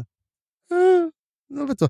תראה אני אוהב את זה זה טיין נחמד אני פשוט אם לא היית אומר לי לא הייתי יודע אבל אבל זה מסביר למה יש דמויות עם שמות שמופיעות לרגע ונעלמות. אז זהו זה הדמויות שמופיעות זה טמפר מופיע הרבה הוא אחת הדמויות הראשיות של אלה הסכינים. יש לך את אגיילה היא דמות משנה ראשית כזאת קצת יותר מדובר עליה. אה, לובן לבן לובן מופיע שם גם כן. אובו מופיע שם אז כאילו כל הדמויות שאתה אומר מי מי אלו מה אלו מה הם רוצים שם זה נועד לך דוגרי זה לקרוא את ליל הסכינים להבין לא שמבינים כל כך הרבה גם שם אבל אתה יודע אתה מבין שזה מן המהות של העיר מלאז אתה יודע שכאילו אתה רואה אותם מכיוונים כי הרי ליל הסכינים מתרחש אה, כמה עשרות שנים לפני זה כאילו אז יש, יש הבדל. תראה כשבריריד שלי שאני הולך לעשות עוד 20 שנה אז uh, אני בהחלט הולך לקרוא גם את הספרים של אסנמונט בבין לבין כמו שהמליצו לי אבל כרגע זה פשוט uh, יותר מדי צפר יותר מדי. אז בוא נמשיך עם בוטל כן נמשיך עם בוטל אז uh, אנחנו בעצם uh, מוצאים יחד איתו את מי שהוא חיפש בבר של קופ וזה אותו הזר שהזכרנו אותו כבר ושאלנו מי זה הזר הזה? למה הוא פה? ולמה הוא שם? וכשנגיע לטוויסט שלו שמע זה היה טוויסט מצוין אני לא לא לא ניחשתי שזה הוא אבל אולי היה לנו מספיק אה, רמזים אני לא יודע נדבר על זה. היו? אבל היו? אני לא בטוח שהיו. אני לא בטוח שהיו. בוטל מוסר לו את המסר ההמתנה הגיעה לקיצה הנשר עזב את הקן הפיל עזב את החנות חרסינה אה, יאללה הגיע הזמן אה, לצאת והזר מסכים רק אומר אני צריך להתכונן ולהביא את הדברים שהבאתי את מי שהבאתי איתי או משהו כזה. והוא באמת אומר שהוא יתכונן אה, ויחזור אליו. אז אה, כשנגיע לפרוט וולף בסוף אז נדבר גם על מי הדמות שלו ומאיפה היא הגיעה וחוץ מזה גם הערה של בוטל שבבר יש כל מיני וטרנים שלא בקטע להילחם בארמיה ה-14 כל מיני אנשים אולי מהמשמר הישן או כל מיני אה, לוחמים ותיקים של הצבא המלזני מבינים מה קורה פה והם לא מוכנים לקחת בזה חלק וזה היה מאוד מאוד משמח לראות שלא כולם אה, משולהבים או, או יכולים פשוט בקלות כזאת לפנות נגד הוויקנים. כן זה חלק מה, מהווטרנים האלו כמובן אלה סכינים נמשיך הלאה. נמשיך הלאה. אז יש לנו גם את אפסלר. אפסלר מתחקה אחרי פיני ובדרך הורגת מלא מלא קלוז ומדברת עם הרוח של החייל שפיני הרג אחרי שהוא ירה בקאלה. והיא נוקמת בפיני בצורה מאוד מאוד מזעזעת בכלל כל התיאורים של הלחימה שלה פה ממש היו גרפיים בטירוף. והיא לוקחת את הסכינים שלו וגם היא, היא, זור... היא בעצם תוקעת בו את הקליע הזה של הפארלט בפיני ובעצם מחזירה לו את הדייסה שהוא בישל וזאת לא דייסה נעימה בכלל. מה שנאמר קרמה איזה ביץ'. לגמרי ואתה יודע מה? אני קצת שמח שפיני הולך. אני דמות מצוינת אבל קצת מיציתי אותו וגם אה, פיני זה לא מתאים. זה לא מתאים למלאזן. כאילו פיני זה מילה בעברית אתה מבין? זה לא כאילו אתה אומר שסוף סוף אנחנו נפטרנו מהדילמה איך לקרוא לו. נו יופי. אגב אני אספר לך אני אספר לך סיפור מצחיק. דרך אגב מה שקרה um, כמה אתה מכיר את העולם הספרותי של Star Wars. הספרותי? כן. נאדה. אתה, אבל אתה, אתה יודע מה זה Star Wars, כי Star Trek הבנתי לא ראית. Star Trek uh, ראיתי רק את הסרטים, את Star uh, Wars ראיתי את הכל, אבל אני לא מכיר את הספרים. אני יודע שיש המון ואני יודע גם שיש איזה יקום פסיכי ו- וקאנון כזה שכל הזמן מדברים עליו ומעדכנים אותו באינטרנט, אני מודע לעניין הזה, אבל לא, לא, אף פעם לא חקרתי לעומק. אז בקאנון הזה שהיה, אגב, הקאנון הזה כולו זרקו אותו אחר כך לקרשים, אחר כך שעשו את הסרטים החדשים, אבל לפני זה שהיה, אז עשו בעצם המשכים. הם המשיכו ממש את הסדרה לעוד עשרות שנים, מה קורה אחר כך עם לוק וליה והאן, והיו ללוק ול, ולליה ולהאן היו ילדים, אז מה קורה? היו להם שלושה ילדים. היה להם אה, ג'ייקן, ג'אנה, ג'אנה, לא זוכר את השם שלה, ג'נה, זוכר? והבן הקטן קראו לו אנקין. אוקיי, על שם אותו אנקין, על שם הסבא. ומה קרה? והם גם, יצא הפרק הראשון באותו הזמן, אז היה לך גם את אנקין הישן. זאת אומרת, יכולת, יהיה לך אנקין מפה ואנקין כזה. והם אמרו שזה התבלבל להם, ואנשים לא כך הבינו מה אנקין הישן עושה בסדרה החדשה. איך הם פתרו את הבעיה הזאת, אתה חושב? אה, תגיד לי, אני לא יודע. הם הרגו את אנקין מהסדרה החדשה, פשוט אה. הרגו דמות, כי פשוט התבלבלו בו ואמרו לא, זה מבלבל אנשים. אז בגלל שהם בחרו בהתחלה שהם לא נכון, הם היו נאלצו פשוט להרוג דמות. אז תודה רבה אריקסון שבגלל שבעברית היה קשה לקרוא לו פיני כל הזמן, חיסלת את פיני. סתם האמת האמת יש לי כן uh, עדיין פינה חמה בלב לפיני אבל uh, הוא בחר בחירות לא נכונות והוא באמת הוא טיפוס טרגי לדעתי הוא אחת הדמויות הטרגיות ב, בספר הזה כי הוא פשוט מה שחסר לו זה לדעת שלוסטרה נמצאת עדיין בחיים. והוא לא יודע את זה. בגלל שלוסטרה מתה, את כל, הבדיק, כל, כל הדברים שעושה הוא עשה בגלל שהיא מתה, הוא בעצם בא לנקום את מותה. נכון. וגם זה נסגר עם זה שלוסטרה עוד מעט פוגשת אותו וזה זה באמת הסגירה ההרמטית של הטרגדיה הספציפית הזאת. אבל אה, כן יש לנו בעצם את אפסלר עדיין אנחנו חוזרים אליה היא רוצחת מלא תופרים כל הסיפור הזה אחר כך שהיא מדברת עם אה, כס הצללים מסתבר שהוא וקוטיליון הם זה בעצם הייתה המשימה שלה והיא הרגה מעל 300 uh, אה, תופרים 307 פלוס פיני זה תשמע זה הספק לא רע ללילה אחד היה אפשר לקרוא ללילה הזה ליל מות התופרים זה פסיכי זה ממש זה מטורף. והיא בעצם בדבר הזה היא נפגשת עם כס הצללים והוא משחרר אותה מתפקידה. זה בעצם היה החוב האחרון שלה כלפיהם ומעניין מאוד לראות מה אפסלר תעשה בהמשך. אולי תלך לחפש את קאטר אולי דברים אחרים אבל כרגע הדבר היחיד שהיא רוצה זה ללכת לבר של קופ ולהשתכר. זוכר מה דיברנו על נשים ואלכוהול? אה, כן כן לגמרי. יש הרבה אנחנו רואים פה בעצם באמת את הנקודות גם של אפסלר ותראה גם כן שבסופו של דבר נדבר על זה גם גם קוטיליון גומר בדיוק את אותו ספר באותו מצב כמו שלה. כן לגמרי. אה, במצב אה, קשה מאוד כן, יהיה מעניין. אגב, שמת לב משהו בקשר לאפסלר? איפה טלורס וקרדלה יהיו כל הסיפור הזה? שאלה מצוינת. אני הייתי חושב שהן פשוט לא, לא עומדות בקצב, כאילו אפסלר הלכה ורצחה עכשיו מלא מלא אנשים. אגב, שדו ת'רון אומר שהיא יותר, אה, יותר מסוכנת מקוטיליון אפילו, כן. ברצח שלה. וזה משהו שלא חשבתי שאפשר לומר בקלות כזאת. אוקיי, אז אה, בוא נעבור עכשיו ללוסטרה. לוסטרה מתנקשת בטנא ברלטה, זה ההתחלה שם, סצנה מאוד מאוד מגעילה. וטוב שהיא הורגת אותו סוף סוף. אמ, יוצאת לרחובות ושם היא פוגשת את מי אם לא גרב שאנחנו עדיין לא יודעים מה הקטע של הילד המוזר הזה. והוא מציע לקחת אותה לאן שהיא צריכה ללכת והוא יודע הכל. גרב יודע הכל הוא יודע מה קורה הוא יודע אה, מניעים של אנשים הוא יודע דברים שקרו שהוא לא נכח שם לא ברור מה קורה שם עם גרב הזה והוא מביא אותה לפיני. אמ, היא רואה את אה, פיניק שהוא בעצם גוסס ומעונה על ידי הרעל הזה והיא פשוט אה, נאלצת לעשות לו המתת חסד כי הוא כבר לא אפילו מסוגל לשמוע אותה ולראות אותה. זה מאוד מאוד טרגי. כל הדבר הזה גורם לי לחשוב שזה נועד לבנות את הדמות של לוסטרה יותר מאשר אה, להתנקם בפיני כל הסיפור הזה. כן, שני דברים, קודם כל תזכור גם כן מה הולך להיות עם לוסטרה בהמשך, אנחנו נדבר על זה גם כן. וגם כן, צריך לזכור למה לוסטרה איל בכלל הרגה את אנה ברלטי, לא הרגה אותו כי היא חייבת, אלא בגלל שהוא גרם לה לרצוח את כל האנשים בפונדק. אנחנו מדברים על הספר השני שעקבה אחרי קלאם, והיא הרגה אותה ואמרה, היא לא הייתה שלמה עם הבקשה, עם, עם הפקודה הזאתי. זאת למעשה הייתה נקמה. והיא ראתה כבר שהוא די גמור, אז היא די... אמ, כן, אבל גם נראה לי איך שהוא דיבר אליה.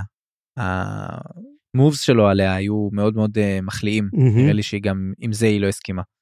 וזהו, והם הולכים ביחד לשדה הקטל בנמל אחרי, אחרי שהם נפרדים מפיני, ורואים שם את תקופת תאמבר, וגרב מספר לנו סוף סוף מי זאת תאמבר, והוא אומר זו הארסל, שיצאה מקליפתה ועכשיו היא יצאה וברחה משם. זאת אומרת היא לא באמת מתה, הדמות התיאמבר ש, שבעצם היא חיה בתוכה מתה אבל הארס על עצמה יצא לחופשי.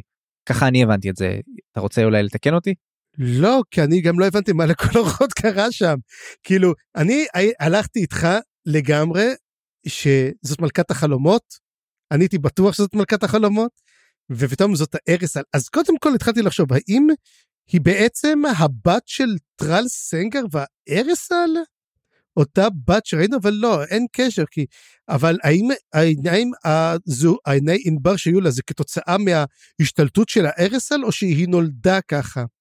כאילו המון המון דברים שאנחנו לא יודעים, ואם כן, אז האם הארסל היא בעצם עושה פוזיישן לכל מיני אנשים ומובילה אותם, וגם כן, מה כל הקטע של הארסל? איפה היא לוקחת? מה היא רוצה לעשות? גם גילינו שהיא יודעת המון המון דברים, ופה בעצם אני מעלה פה את התיאוריה שגם גרב הוא.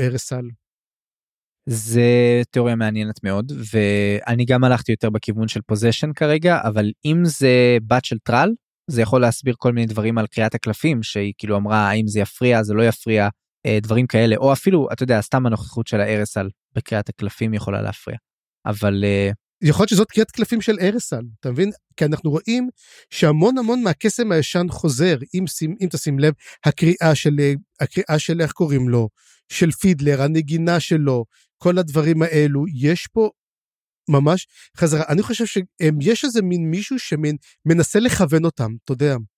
הוא יודע יותר והוא מנסה, בגלל זה הוא הולך על דברים תדעים. אני חושב שגרב הוא גם כן יש עליו possession, אני חושב, אני, אתה יודע מה, הנה, אני שם תיאוריה, גראב הוא ארס'אל גם כן. ואני עדיין לא ברור לי אם יש ארס'אל אחד או כל מיני ארס'אל. Oh. זאת אומרת זה נראה שיש יותר מארס'אל אחד. ארס'אל היו גזע נכון הם היו גזע שלהם. נכון אבל כש... אבל עד כה דיברנו על אבל גם בספר הקודם דיברנו על זה שהארס'אל הוא יותר כמו מישהי אחת ה progenitor כאילו האם ה... Mm-hmm. הראשונה או משהו כזה ואתה יודע מה גם בוא בוא נדבר רגע על הקלפים אני פתאום מרגיש שהקריאת קלפים יש עברתי עליה לפני ההקלטה עכשיו וראיתי שאפשר כבר להבין כמה נקודות שבאמת נחזו מראש. אז נגיד אחת על... רגע על... רגע אז לפני זה hmm? בבקשה קודם כל דינג קודם כל יש לנו את ה... יש לנו את הג'ינגל את הג'ינגל לא? את הזמריר כן כן כן אז בוא נשמע את הזמריר את... אז בוא נשמע את הזמריר. חיים וצפריר מדברים על קלפים חיים וצפיר מדברים על קלפים. לגמרי פשוט אני לא יודע אם אני רוצה לדבר עכשיו על כל הדברים אבל אני רוצה הכל. כן לדבר על הקטע של פידלר שהוא שם לב לקריאה של קלאם הוא ידע שקלאם הולך למות אה, או משהו ודווקא זה שעכשיו קלאם גם הולכים להציל אותו ששדוטרון הולך להציל אותו בערך או לגרור אותו mm. לתוך בית המתים אז זה גרם לי לחשוב על הקלף שקלאם קיבל וקלאם קיבל את קלף ברן את האובליסק mm-hmm. וזה מאוד מעניין כי ברן היא האלה הישנה אז אולי קלאם הולך עכשיו לתרדמת. אנחנו כבר יודעים על שניים שכבר נמצאים שם, שזה אותם חבר'ה שנלקחו בדרוג'יסטן. נכון. שזאת הייתה, אה, מי, זה, מי זה, זה היה מל, רליק נום, נכון? רליק נום והזאתי של הגילדה. והגילדה, איך קוראים לו? עולה לי וורקן בראש, אבל יש לה, וויד, מה שם W, וורקן? וורקין? וורקן, וורקן. וורקן, אוקיי. וכן, אז זה דבר אחד, זה מה שאני הבנתי מהקריאה של קלאם, וברור גם מה קוויקבן מקבל. קוויקבן מקבל את טרל בהתחלה, נכון? את uh, אביר בית הצללים החדש, מהמם. זה הקלף שגם סופי, מסיים את כן. הכל, אבל באמצע הוא מקבל עוד משהו, מקבל את איקריום. שאנחנו נראה בסוף בדיוק למה זה. אהה. אז אני חזרתי על הקלפים וראיתי שם טוב, כל טוב, מיני אה, מטעמים. מה עוד, מה אה, עוד היה, מה טאמבר קיבלה? אה, ראיתי שם אה, משהו, זה לא היה ברור, את הכס, הכס של ה-throne, אולי, ה-orb scepter and throne. אז אולי אסטרון קשור, אולי זה קשור לגזעים עתיקים, אולי זה קשור ל... לארסל, אולי אסטרון מסמל את הארסל? אולי. תראה, עברתי על כל הקלפים, לא ראיתי שם יותר מדי דברים אה, פסיכיים, רק את הקטע של איקריום וזה של אה, וויקבן ואת קלאם, ועדיין לא ברור מה כל הקטע של גרב, לדעתי חלק מהקריאה אנחנו לא אמורים לדעת בינתיים עד סוף הספר הזה ונגלה אותה רק בהמשך. אגב, גרב גם כן לוקח שלושה אנשים ושוחה איתם, נכון? יש לו שלושה חברים. אה, זה בקריאה, כן, אבל אני לא יודע אם זה קרה בפרק. תשמע, אנחנו, אתה יודע, אתה יודע מה אני רוצה באמת? אני רוצה שתהיה לי חפיסה כזאת של קלפי מלאזן. יש כאלו לקנות, אתה חושב? וואי, בטוח יש, בטוח יש, צריך לחפש. שמע, אה, בוא נחזור רגע ללוסטרה, כי לדעתי גרב פה ממשיך איתה דברים מאוד מאוד מעניינים, ואולי בהמשך נרצה לדבר עוד על קלפים נדבר. אז כרגע לוסטרה צריכה לשמור על שני סודות מתבורה, וזה מאוד מעניין, כי היא כבר יודעת שתבורה הרגה את אחותה, וגם היא יודעת שתיאמבר הייתה ההרסל, ועכשיו גרב אומר לה, הייעוד שלך זה להפוך להיות יד ימינה של תבורה. וזה מאוד מעניין, זה מפתיע, אבל מצד שני זה מאוד מאוד ברור איך זה נבנה לשם, ולדעתי זה באמת מה שהולך לקרות. הוא גורר אותה לנמל רובע העכברים, והם לא רוצים בעצם להיכנס לבלגן שלה ליד הנמל, אז הם רוצים להגיע דרך ספינה ולהצטרף לתבורה משם. אז אה, נעצור פה עם אה, לוסטרה? יש עוד משהו? לא. זה הכל, אבל באמת אין- מעניין לראות מה יקרה עם לוסטרה בהמשך, כי היא, היא נבנית, זו דמות שנבנית כבר מהספר השני, אתה יודע, ומעניין לראות לאיפה הגורל יוביל אותה. אה, ועוד דבר אחד, בוא נגיד ככה שההימור שלנו בקשר ללוסטרה איל ולפיני, היה שהיא תהרוג אותו, שזה כן צדקנו, לא כמו שחשבנו, אבל כן, אני, אני, אני, I, I take it as a win, עם כל הכבוד. אני- אני הייתי אומר אפילו שזה יותר טוב. כאילו זה זה פשוט זה לקחת את הטרגדיה הזאת צעד אחד קדימה היה בזה משהו מאוד שקספירי לא? בטרגדיה כן, הזאת. הורגת- כאילו, היא- הורגת אותו, אבל היא עושה את זה למענו, שזאת הטרגדיה. היה חסר רק שהיא שהיא תתאבד אחרי זה זה היה רק חסר הדבר הזה אבל חס ושלום, למה, למה, כן. לא בשביל להיות טרגדיה שקספירית. אה. כן, נכון. טוב בוא נעבור ללוז הצפוף של כס הצללים. בכס הצללים הספיק המון דברים באותו לילה אה, הוא ממש ממש לא פראייר כמו שאני אוהב להגיד יא. אבל גם זה נגע בכל מיני דמויות שדיברנו עליהן עד כה אבל נזכיר את הכל עכשיו מהצד של כס הצללים. אז אה, אני כתבתי את ה, בעצם את כל העצירות שהיו לו באותו יום אתה תגיד לי אחר כך אם פספסתי משהו או כתבתי משהו לא נכון כאילו אני זוכר, אבל בסדר. אבל כתבתי ככה העצירה הראשונה קוויקבן הוא תופס אותו בזמן שקוויקבן מנסה לברוח ואומר לו "אה, אתה חייב לי נכון ותופס אותו באוזן בעצם וזורק אותו בעצם למה שיקרה באפילוג אחר כך יש לנו בעצם לא באפילוג בפרק 24 מהמם. אחר כך יש לנו עצירה נוספת הוא מדבר עם אפסלר אוסף את הפיגיונות של קלאם. אה, מה שמאוד מגניב כי א' הוא מתרשם ממנה מאוד מסביר כמה היא יותר חזקה מקוטיליון ודבר שני הוא משחרר אותה והפיגיונות שהוא לקח גורמים לו להצטרך ללכת ברגל הוא לא יכול להשתמש במשעולים שלו שזה נורא מצחיק. אחר כך בעצירה השלישית שלו הוא עוצר ליד המגדל של טיישרן ומשתנקר לאובו על, על אופון שנמצא על הגג. ואני שאלתי פה מה מי זה אובו מה קורה פה וצפריר אתה אומר שזה קשור לליל הסכינים אה, בליל הסכינים אובו מופיע. אובו הוא מעין מכשף כלשהו שיש לו מגדל הרוס. זה סתם זה פיצ'ר שנמצא יש המון המון פיצ'רים באי מלאז שזה למשל המגדל של אובו בית המתים זה כל מיני פיצ'רים שם של העיר זה מגדל הרוס כזה אבל המגדל הזה הוא למעשה קיים ויש שם את הקוסם הזה והוא מאוד מאוד חזק מאוד פה? אז מסתבר שטיישרן גר שם גם כן כי והוא, זה בדיוק מה שאמרו על אה, על אופון שהיו על, על גג המגדל שם של טיישרן. כן. אז אולי הוא חבר של אובו יכול להיות. אולי טיישרן הוא אובו אה, לא אבל הם מוזכרים גם טיישרן וגם אובו זה לא טיישרן הוא לא אובו. בסדר בסדר טוב ת- תרפד לי ככה תיאוריות אה... אין בעיה. אז יש לנו בעצם אה, עצירה רביעית של כס הצללים הוא מציל את קלאם או כי כמעט מציל אותו, לא ברור, ומביא אותו לבית המתים, ככה שיארח חברה לוורקן ורליקנום ופארן. ואחר כך יש לנו את, אה, אה שאלתי פה, מי השומר של בית המתים? שאלה זה- מצוינת, שאלה מצוינת לכל דבר, כי אנחנו זוכרים שדרך אגב, מי שהיה בפעם הקודמת זה הגוטוס. אבל זה לא נראה שזה היה גוטוס הפעם. זה לא היה גוטוס. עכשיו, צריך לזכור גם כן, בליל, ה- עוד פעם, אני חייב לחזור לליל הסכינים, כי אין מה לעשות. הספר, בדיוק החלק הזה הוא כאילו המשך של ליל הסכינים, ובליל הסכינים הייתה ג'גותית שניסתה לצאת גם כן מבית המתים, מין לברוח משם, אז חשבתי אולי זאתי, אבל זה לא, זה מין אביר כזה, אתה יודע, מין שומר, את, הרי אתה זוכר שהיה את החתיכת שריון הזה שמסתכלים עליו פעם, אומרים, מי זה השריון הזה שם? זה השריון, נראה לי, אותו שריון שם, שפשוט מין זקן כזה, אתה יודע, הוא גורר אותו לאט וכזה, נו קדימה, כמה זמן לוקח לך לעשות את זה, וזה זה הקטע, אפילו קטע, אפילו, זהו, זה היה מצחיק. כן מצחיק אבל אבל קצת לא מובן. בכל מקרה קלאם עכשיו אולי ישן אולי בקומה אולי הוא ניצל אני מקווה שהוא ניצל. אומרים שהוא חי, אומרים שהוא חי, אומרים, אבל האם הוא יוכל לעזוב את בית ה... הנה, זה אותו דבר למשל שאני אגיד לך עם, עם רליק נום, רליק נום מת, חי, כן בדיוק בגלל זה אני שואל. אנחנו נראה, אין סיכוי ש, שיקחו לנו את קלאם, לא נראה לי שיקחו לנו אותו. אני אומר יש סיבה טובה לקחת את קלאם כי הוא פשוט OP כן, אני, אני מקווה מאוד שאנחנו... תמיד היה OP גם קוויקבן. טוב אה, קוויקבן אבל קוויקבן מטפלים בדרך אחרת מהמם. זה מאוד מעניין.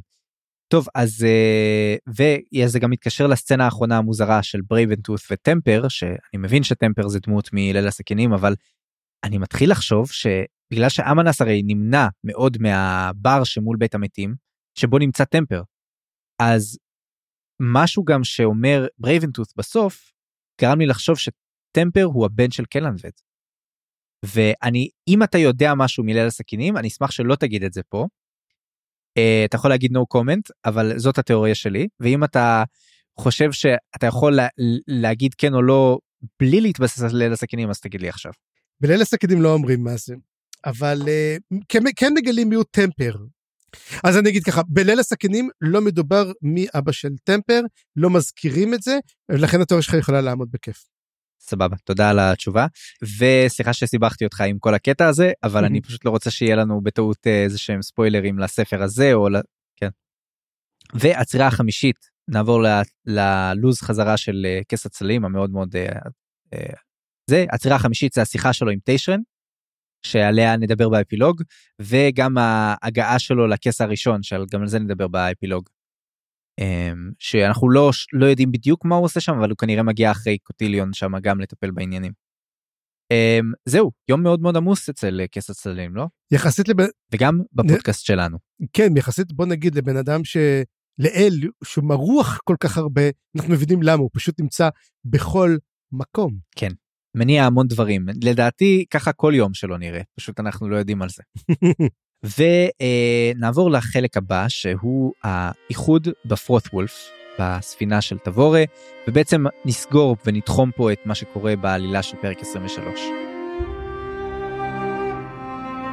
אז בפרוט וולף אנחנו הרי מקבלים את תבורה שאיבדה הכרה בקרב האחרון עם פידלר וחבר'ה שהצילו אותה אמ, ומביאים אותה לספינה שם היא מתעוררת הסילנדה כבר התחילה להפליג משם, אז כנראה שהצבא מתחיל לאט לאט להפליג, ולא ברור אם הפרוט וולף היא הספינה האחרונה שנשארה, אבל היא בין האחרונות כנראה, והם לא רוצים לעזוב כי עדיין חסרים כמה אנשים. הם יודעים כבר שכמה הלכו לאיבוד כנראה בטוח, והם חושבים שגם בוטל מת וגם uh, קוויקבן, והם פשוט לא יודעים מה יקרה עם זה.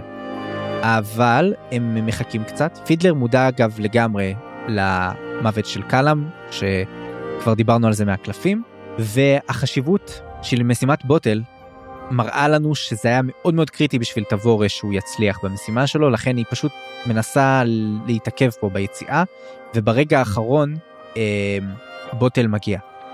ובוטל מביא לא רק את אה, עצמו ואת מי שהוא נשלח להביא, אלא הוא גם מביא ספינה שלמה זה בעצם הספינה של קרטרון קראסט שהיה בריקסטופר ועכשיו יש לו ספינה אחרת שכחתי את השם שלה רד קצ'ר אני חושב או משהו כזה. משהו כזה פידלר אגב מזהה אותו שזה מאוד מצחיק הוא אומר לו היי קרטרון אבל הוא אומר לו זה לא אני על מה אתה מדבר? אומר על מי אתה מדבר? אין בן אדם כזה מה זה קרטרון? איזה שם מוזר זה. ואז ואז פידלר אומר טוב טוב בסדר פידלר יודע הרי מה דבר או שניים על שמות מומצאים שלא שלא מפריעים לא לאף עוזרים, אחד. כן, כן. וחוץ מזה מגיעים שם גם גרב ולוסטרה שהגיעו יחד. אה, יש שם גם את אה, אטיסטה אנדי מהבר של קופ שראינו שם את החבורה של אטיסטה אנדי וחוץ מזה וזה הטוויסט הגדול יש שם את הזר שאנחנו מגלים עכשיו שהוא וויזל.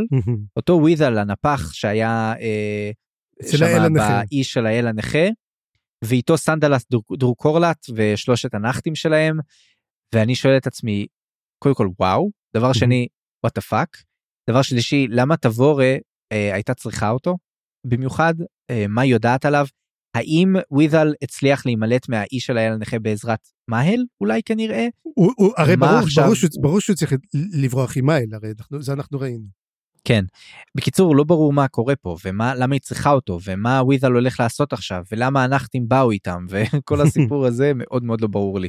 אני חושב שזה קשור למשהו שתיאם ברקי, אני שם לב כמו תמיד שהארסל מתחילים לקחת צד. הם לוקחים את הצד נגד האל הנכה. וכנראה היא אומרת לו תשמע אנחנו צריכים לאסוף כלי נשק צריכים לאסוף אנשים ואם אתה זוכר בסוף הספר החמישי ווית'ל אמר אני יודע איך אפשר לנצח את האל הנכה.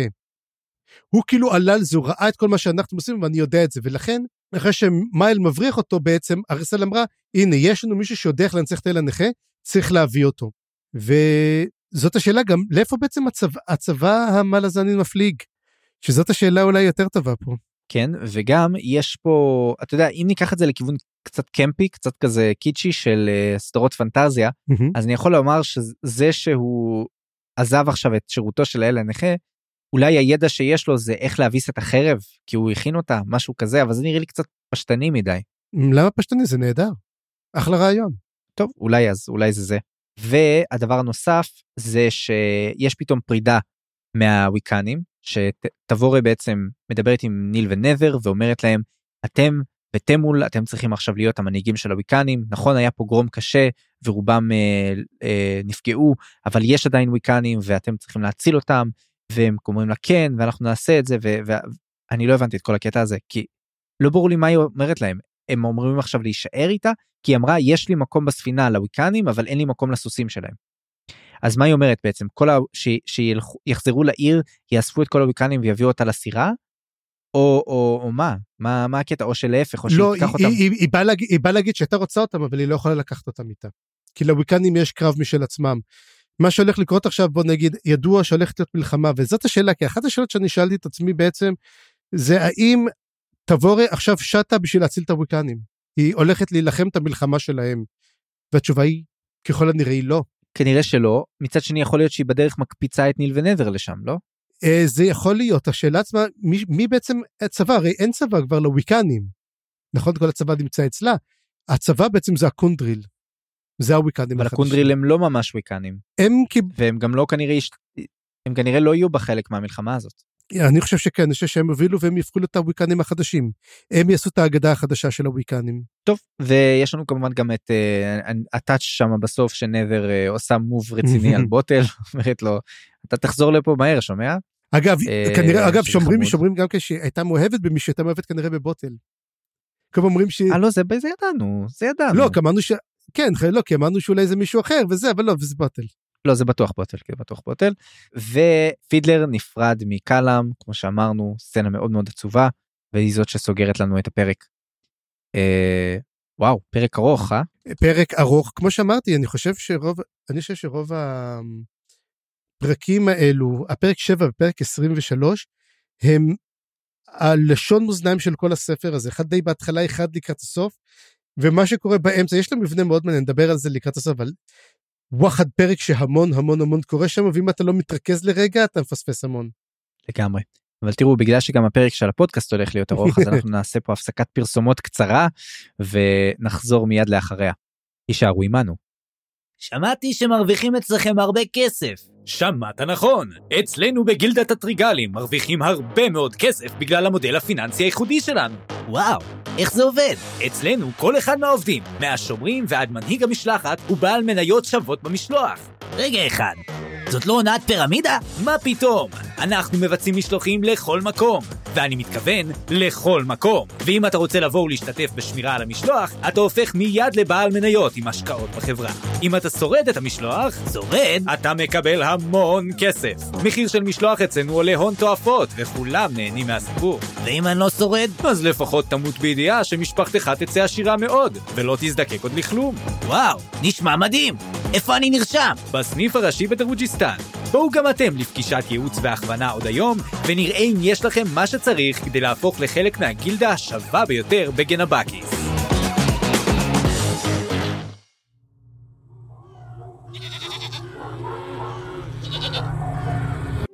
לפעמים מרוב רעש והמולה אתה הולך לאיבוד. קשה למצוא את הקול הפנימי שלך, את מה שיוביל אותך לשלווה ושקט פנימי. לפעמים ככל שיש יותר ממך, את מרגישה יותר לבד. זה בסדר. לפעמים כל מה שצריך זו אוזן קשבת שתדע להכיל את כל האני השונים שלך. הקו החם של דיברסיטי. מרכז בריאות הנפש לדיברסים, סולטייקן וחיות אחרות, פתוח לשירותכם תמיד. וכעת לראשונה, גם לנפגעי משעולים וכל מי שחושב שבטעות טעם קצת דם כלבים על בסיס מקום פנוי. דיברסיטי. אתם לא לבד, גם כשאתם ביחד.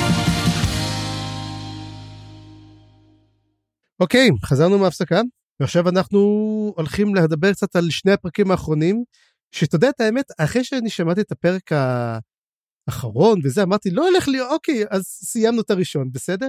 לא יהיה כזה דבר נורא, ופרק 24 זה פרק לא פחות קשה מהפרקים הקודמים. כאילו, זה לא שנותן לנו לנוח ככה, אתה יודע, חשבתי שהוא ייקח את זה כעל מי מנוחות. אז זה, אני לא יודע מה אריקסון אוכל בקפה איטליה שלו, אבל הוא צריך, אה, הוא צריך להרפות, הוא צריך להרפות מהר.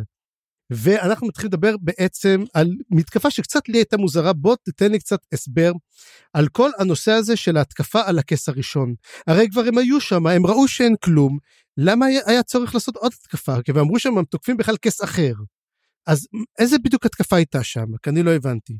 אני גם לא ממש הבנתי, אבל לדעתי ההבדל הגדול זה שעכשיו הם uh, קיבלו איזשהו אולי מסר או, או הבינו פתאום שגם אם הכס הרוס אז יש עדיין איפשהו את ההגנה עליו או מי שאמור להגן עליו משהו כזה.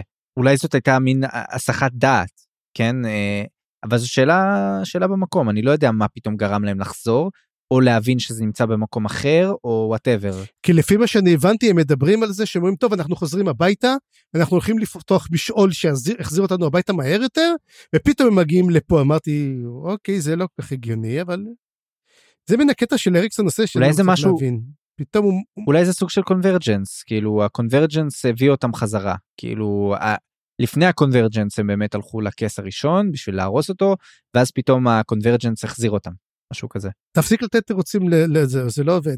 אוקיי. אה, אמ, אז בעיקרו של דבר, אנחנו רואים פה דמות אחרת שמתחילה לתפוס קצת יותר תאוצה, וזה אמ, ורת טאון, שהוא הסגן של יאן טוביס, שמתחיל לתפוס קצת יותר, ואנחנו רואים דרך העיניים שלו, והוא דרך אגב מבלו רוז.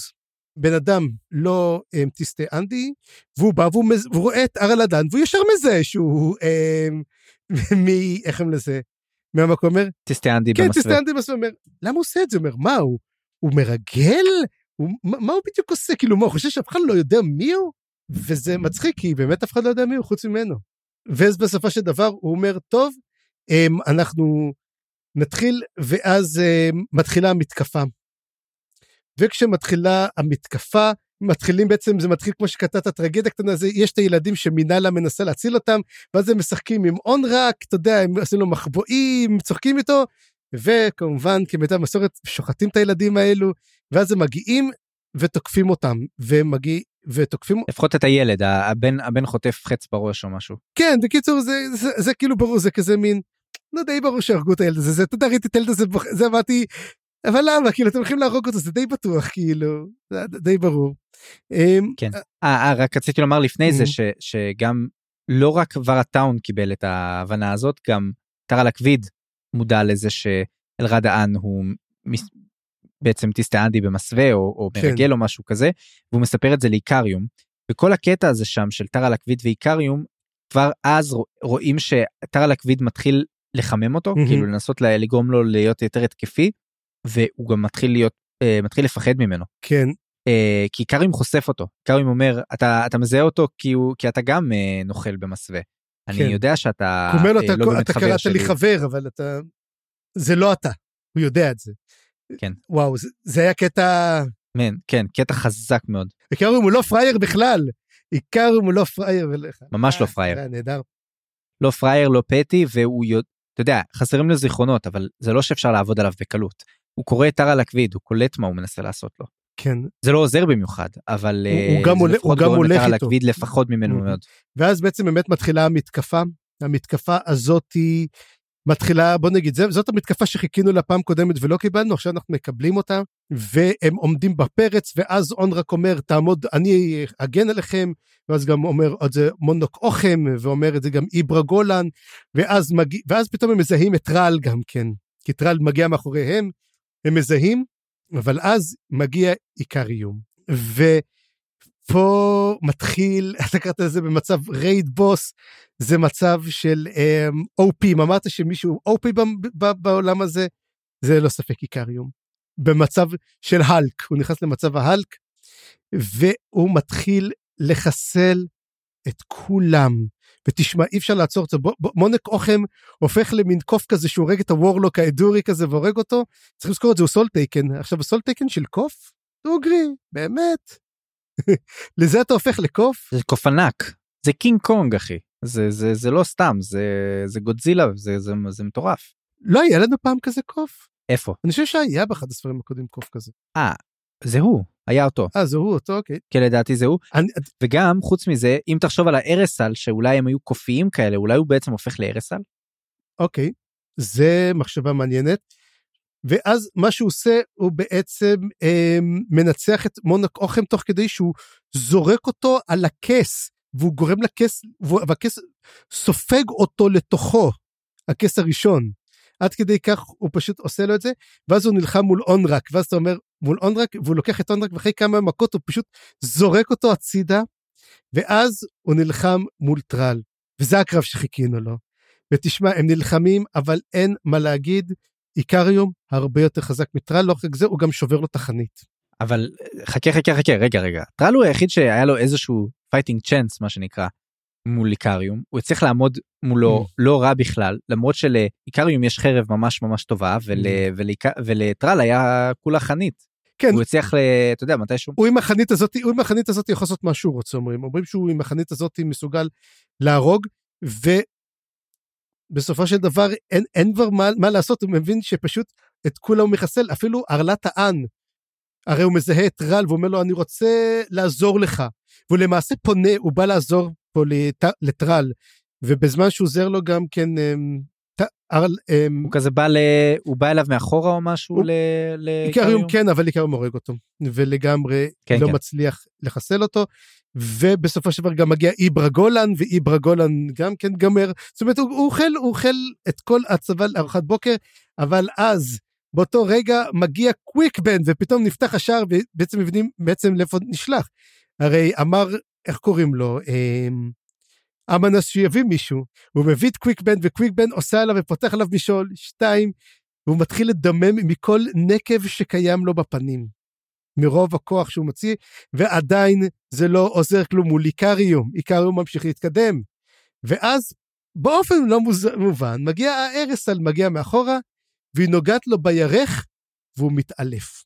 ואז כשזה קורה, בעצם הם פשוט מבריחים אותו החוצה, טרה להקביד וכל החבר'ה האחרים מעיפים אותו החוצה, בזמן שהם לוקחים את הפצועים, כל אחד לוקח את זה לצד, בלי שמישהו מנצח, תוך כדי שדרך אגב, טרה להקביד, הוא מייבב בבכי כל הקרב כשהוא ראה מה קורה לאיקריו ומבין, אוי ואבוי, מה עשיתי? זה, my God, what have I done? לגמרי, אחד לאחד, והם בורחים לצד אחד, הם בורחים לצד אחר, המלחמה הזאת מסתיימת באף ניצחון. אה, טרל גורר את קוויק בן שמנגב לו את הדם, אבל הוא פצוע מאוד מאוד מאוד קשה. אגב הגרירה שלו של טרל קוויקבן זה בדיוק זה הסגירה זה בעצם הקריאת הקלפים שם היא נגמרת בעצם. כן. שהנה בעצם טרל הופך להיות החבר שלו, אני לא יודע כמה, אבל איזה כיף זה טרל ביחד עם קוויקבן, כאילו זה, זה, זה שילוב שלא חשבנו עליו. אבל עכשיו אחרי שקלאם די נכנס לקומה, הוא צריך איזה חבר בדס חדש, OP חדש, אז הוא מקבל, אבל אתה יודע מה, תמיד שואלים, אתה יודע, בקבוצות מבוכים ודרקונים, איך, מה אתה עושה עם קבוצות שהן כל כך חזקות, אתה יודע, הגיעו לדרגות 20-30, מה אתה עושה? אתה פשוט נותן להם אויבים הרבה יותר חזקים. וזה עיקר איום. ועיקר איום, אה, עכשיו אתה מבין למה מה פה די סוגר אותו, ואתה רואה מה זה זעמו של עיקר איום. וזה היה קטע ממש ממש ממש מדהים. ואז הארסל מגיעה והיא גם מרפאה את אונרק. אותו אונרק שפשוט פירק אותו עם הסטירה בצד המעליב של היד של אה, עיקר איום. ואז בסופו של דבר אה, גם קוטיליון ואמנס מגיעים. אחרי שהכל נגמר, אומרים לו תגיד לי מה כמעט כולנו מתנו כאילו מה קורה אם קוויק בן היה מת אז הוא אומר אם קוויק בן היה מת אז קוטיליון היה מגיע למרות שקוטיליון היה יש סיכוי שהוא היה מחסל את קוטיליון עצמו. גם כן איקריום זאת אומרת איקריום הוא ברמה של הורג אלים אנחנו ראינו שהרצון שלו לשחרר את גוטוס הרג בית עזת אנחנו לא מבינים אנחנו מבינים שהוא אופי אבל הוא כל כך היה נחמד וכל כך היה מפו וכל כך היה, היה מפו פרנדלי כזה שאנחנו לא זוכ... לא מבינים כל כך מה זה איקריום איקריום זה מכונה להרוג אלים. אז עכשיו הם מבינים שדי המטרה של טרה לגבית בעצם של, ה... של ה... איך קוראים להם. הוא להרוג אלים אתה יודע. קוטיליון מדבר על המטרה של ה... כן. אה, הוא אומר מה שחסרי השם מנסים לעשות זה להביא את אה, בעצם להפוך את איקריום לנשק ולהביא אותו בשביל שיטפל באל הנכה. נכון. זאת אומרת המטרה הסופית שלהם היא טובה לכאורה. אבל הם מוכנים בשביל זה להפעיל את אה, איקריום והם לא יודעים מה יהיו התוצאות של הדבר הזה וזה ת, תבין אנחנו פשוט... רואים פה אנחנו רואים פה באמת קנאות כי תבין שגם כן בשביל להוציא את איקריום ממפו הם, הביא, הם החיו חיה מטורפת מעבר, הם גרמו ליציאת הדרגות, אתה יודע, אצלם המטרה מקדשת את כל האמצעים. אין להם בעיה עם שום דבר לעשות, אפילו את הדברים הנוראים ביותר. העיקר, אתה יודע, הם אומרים, אנחנו הולכים על, ה, על, על הקצה, אבל יש סיכוי שבסופו של דבר החסרי השם צודקים?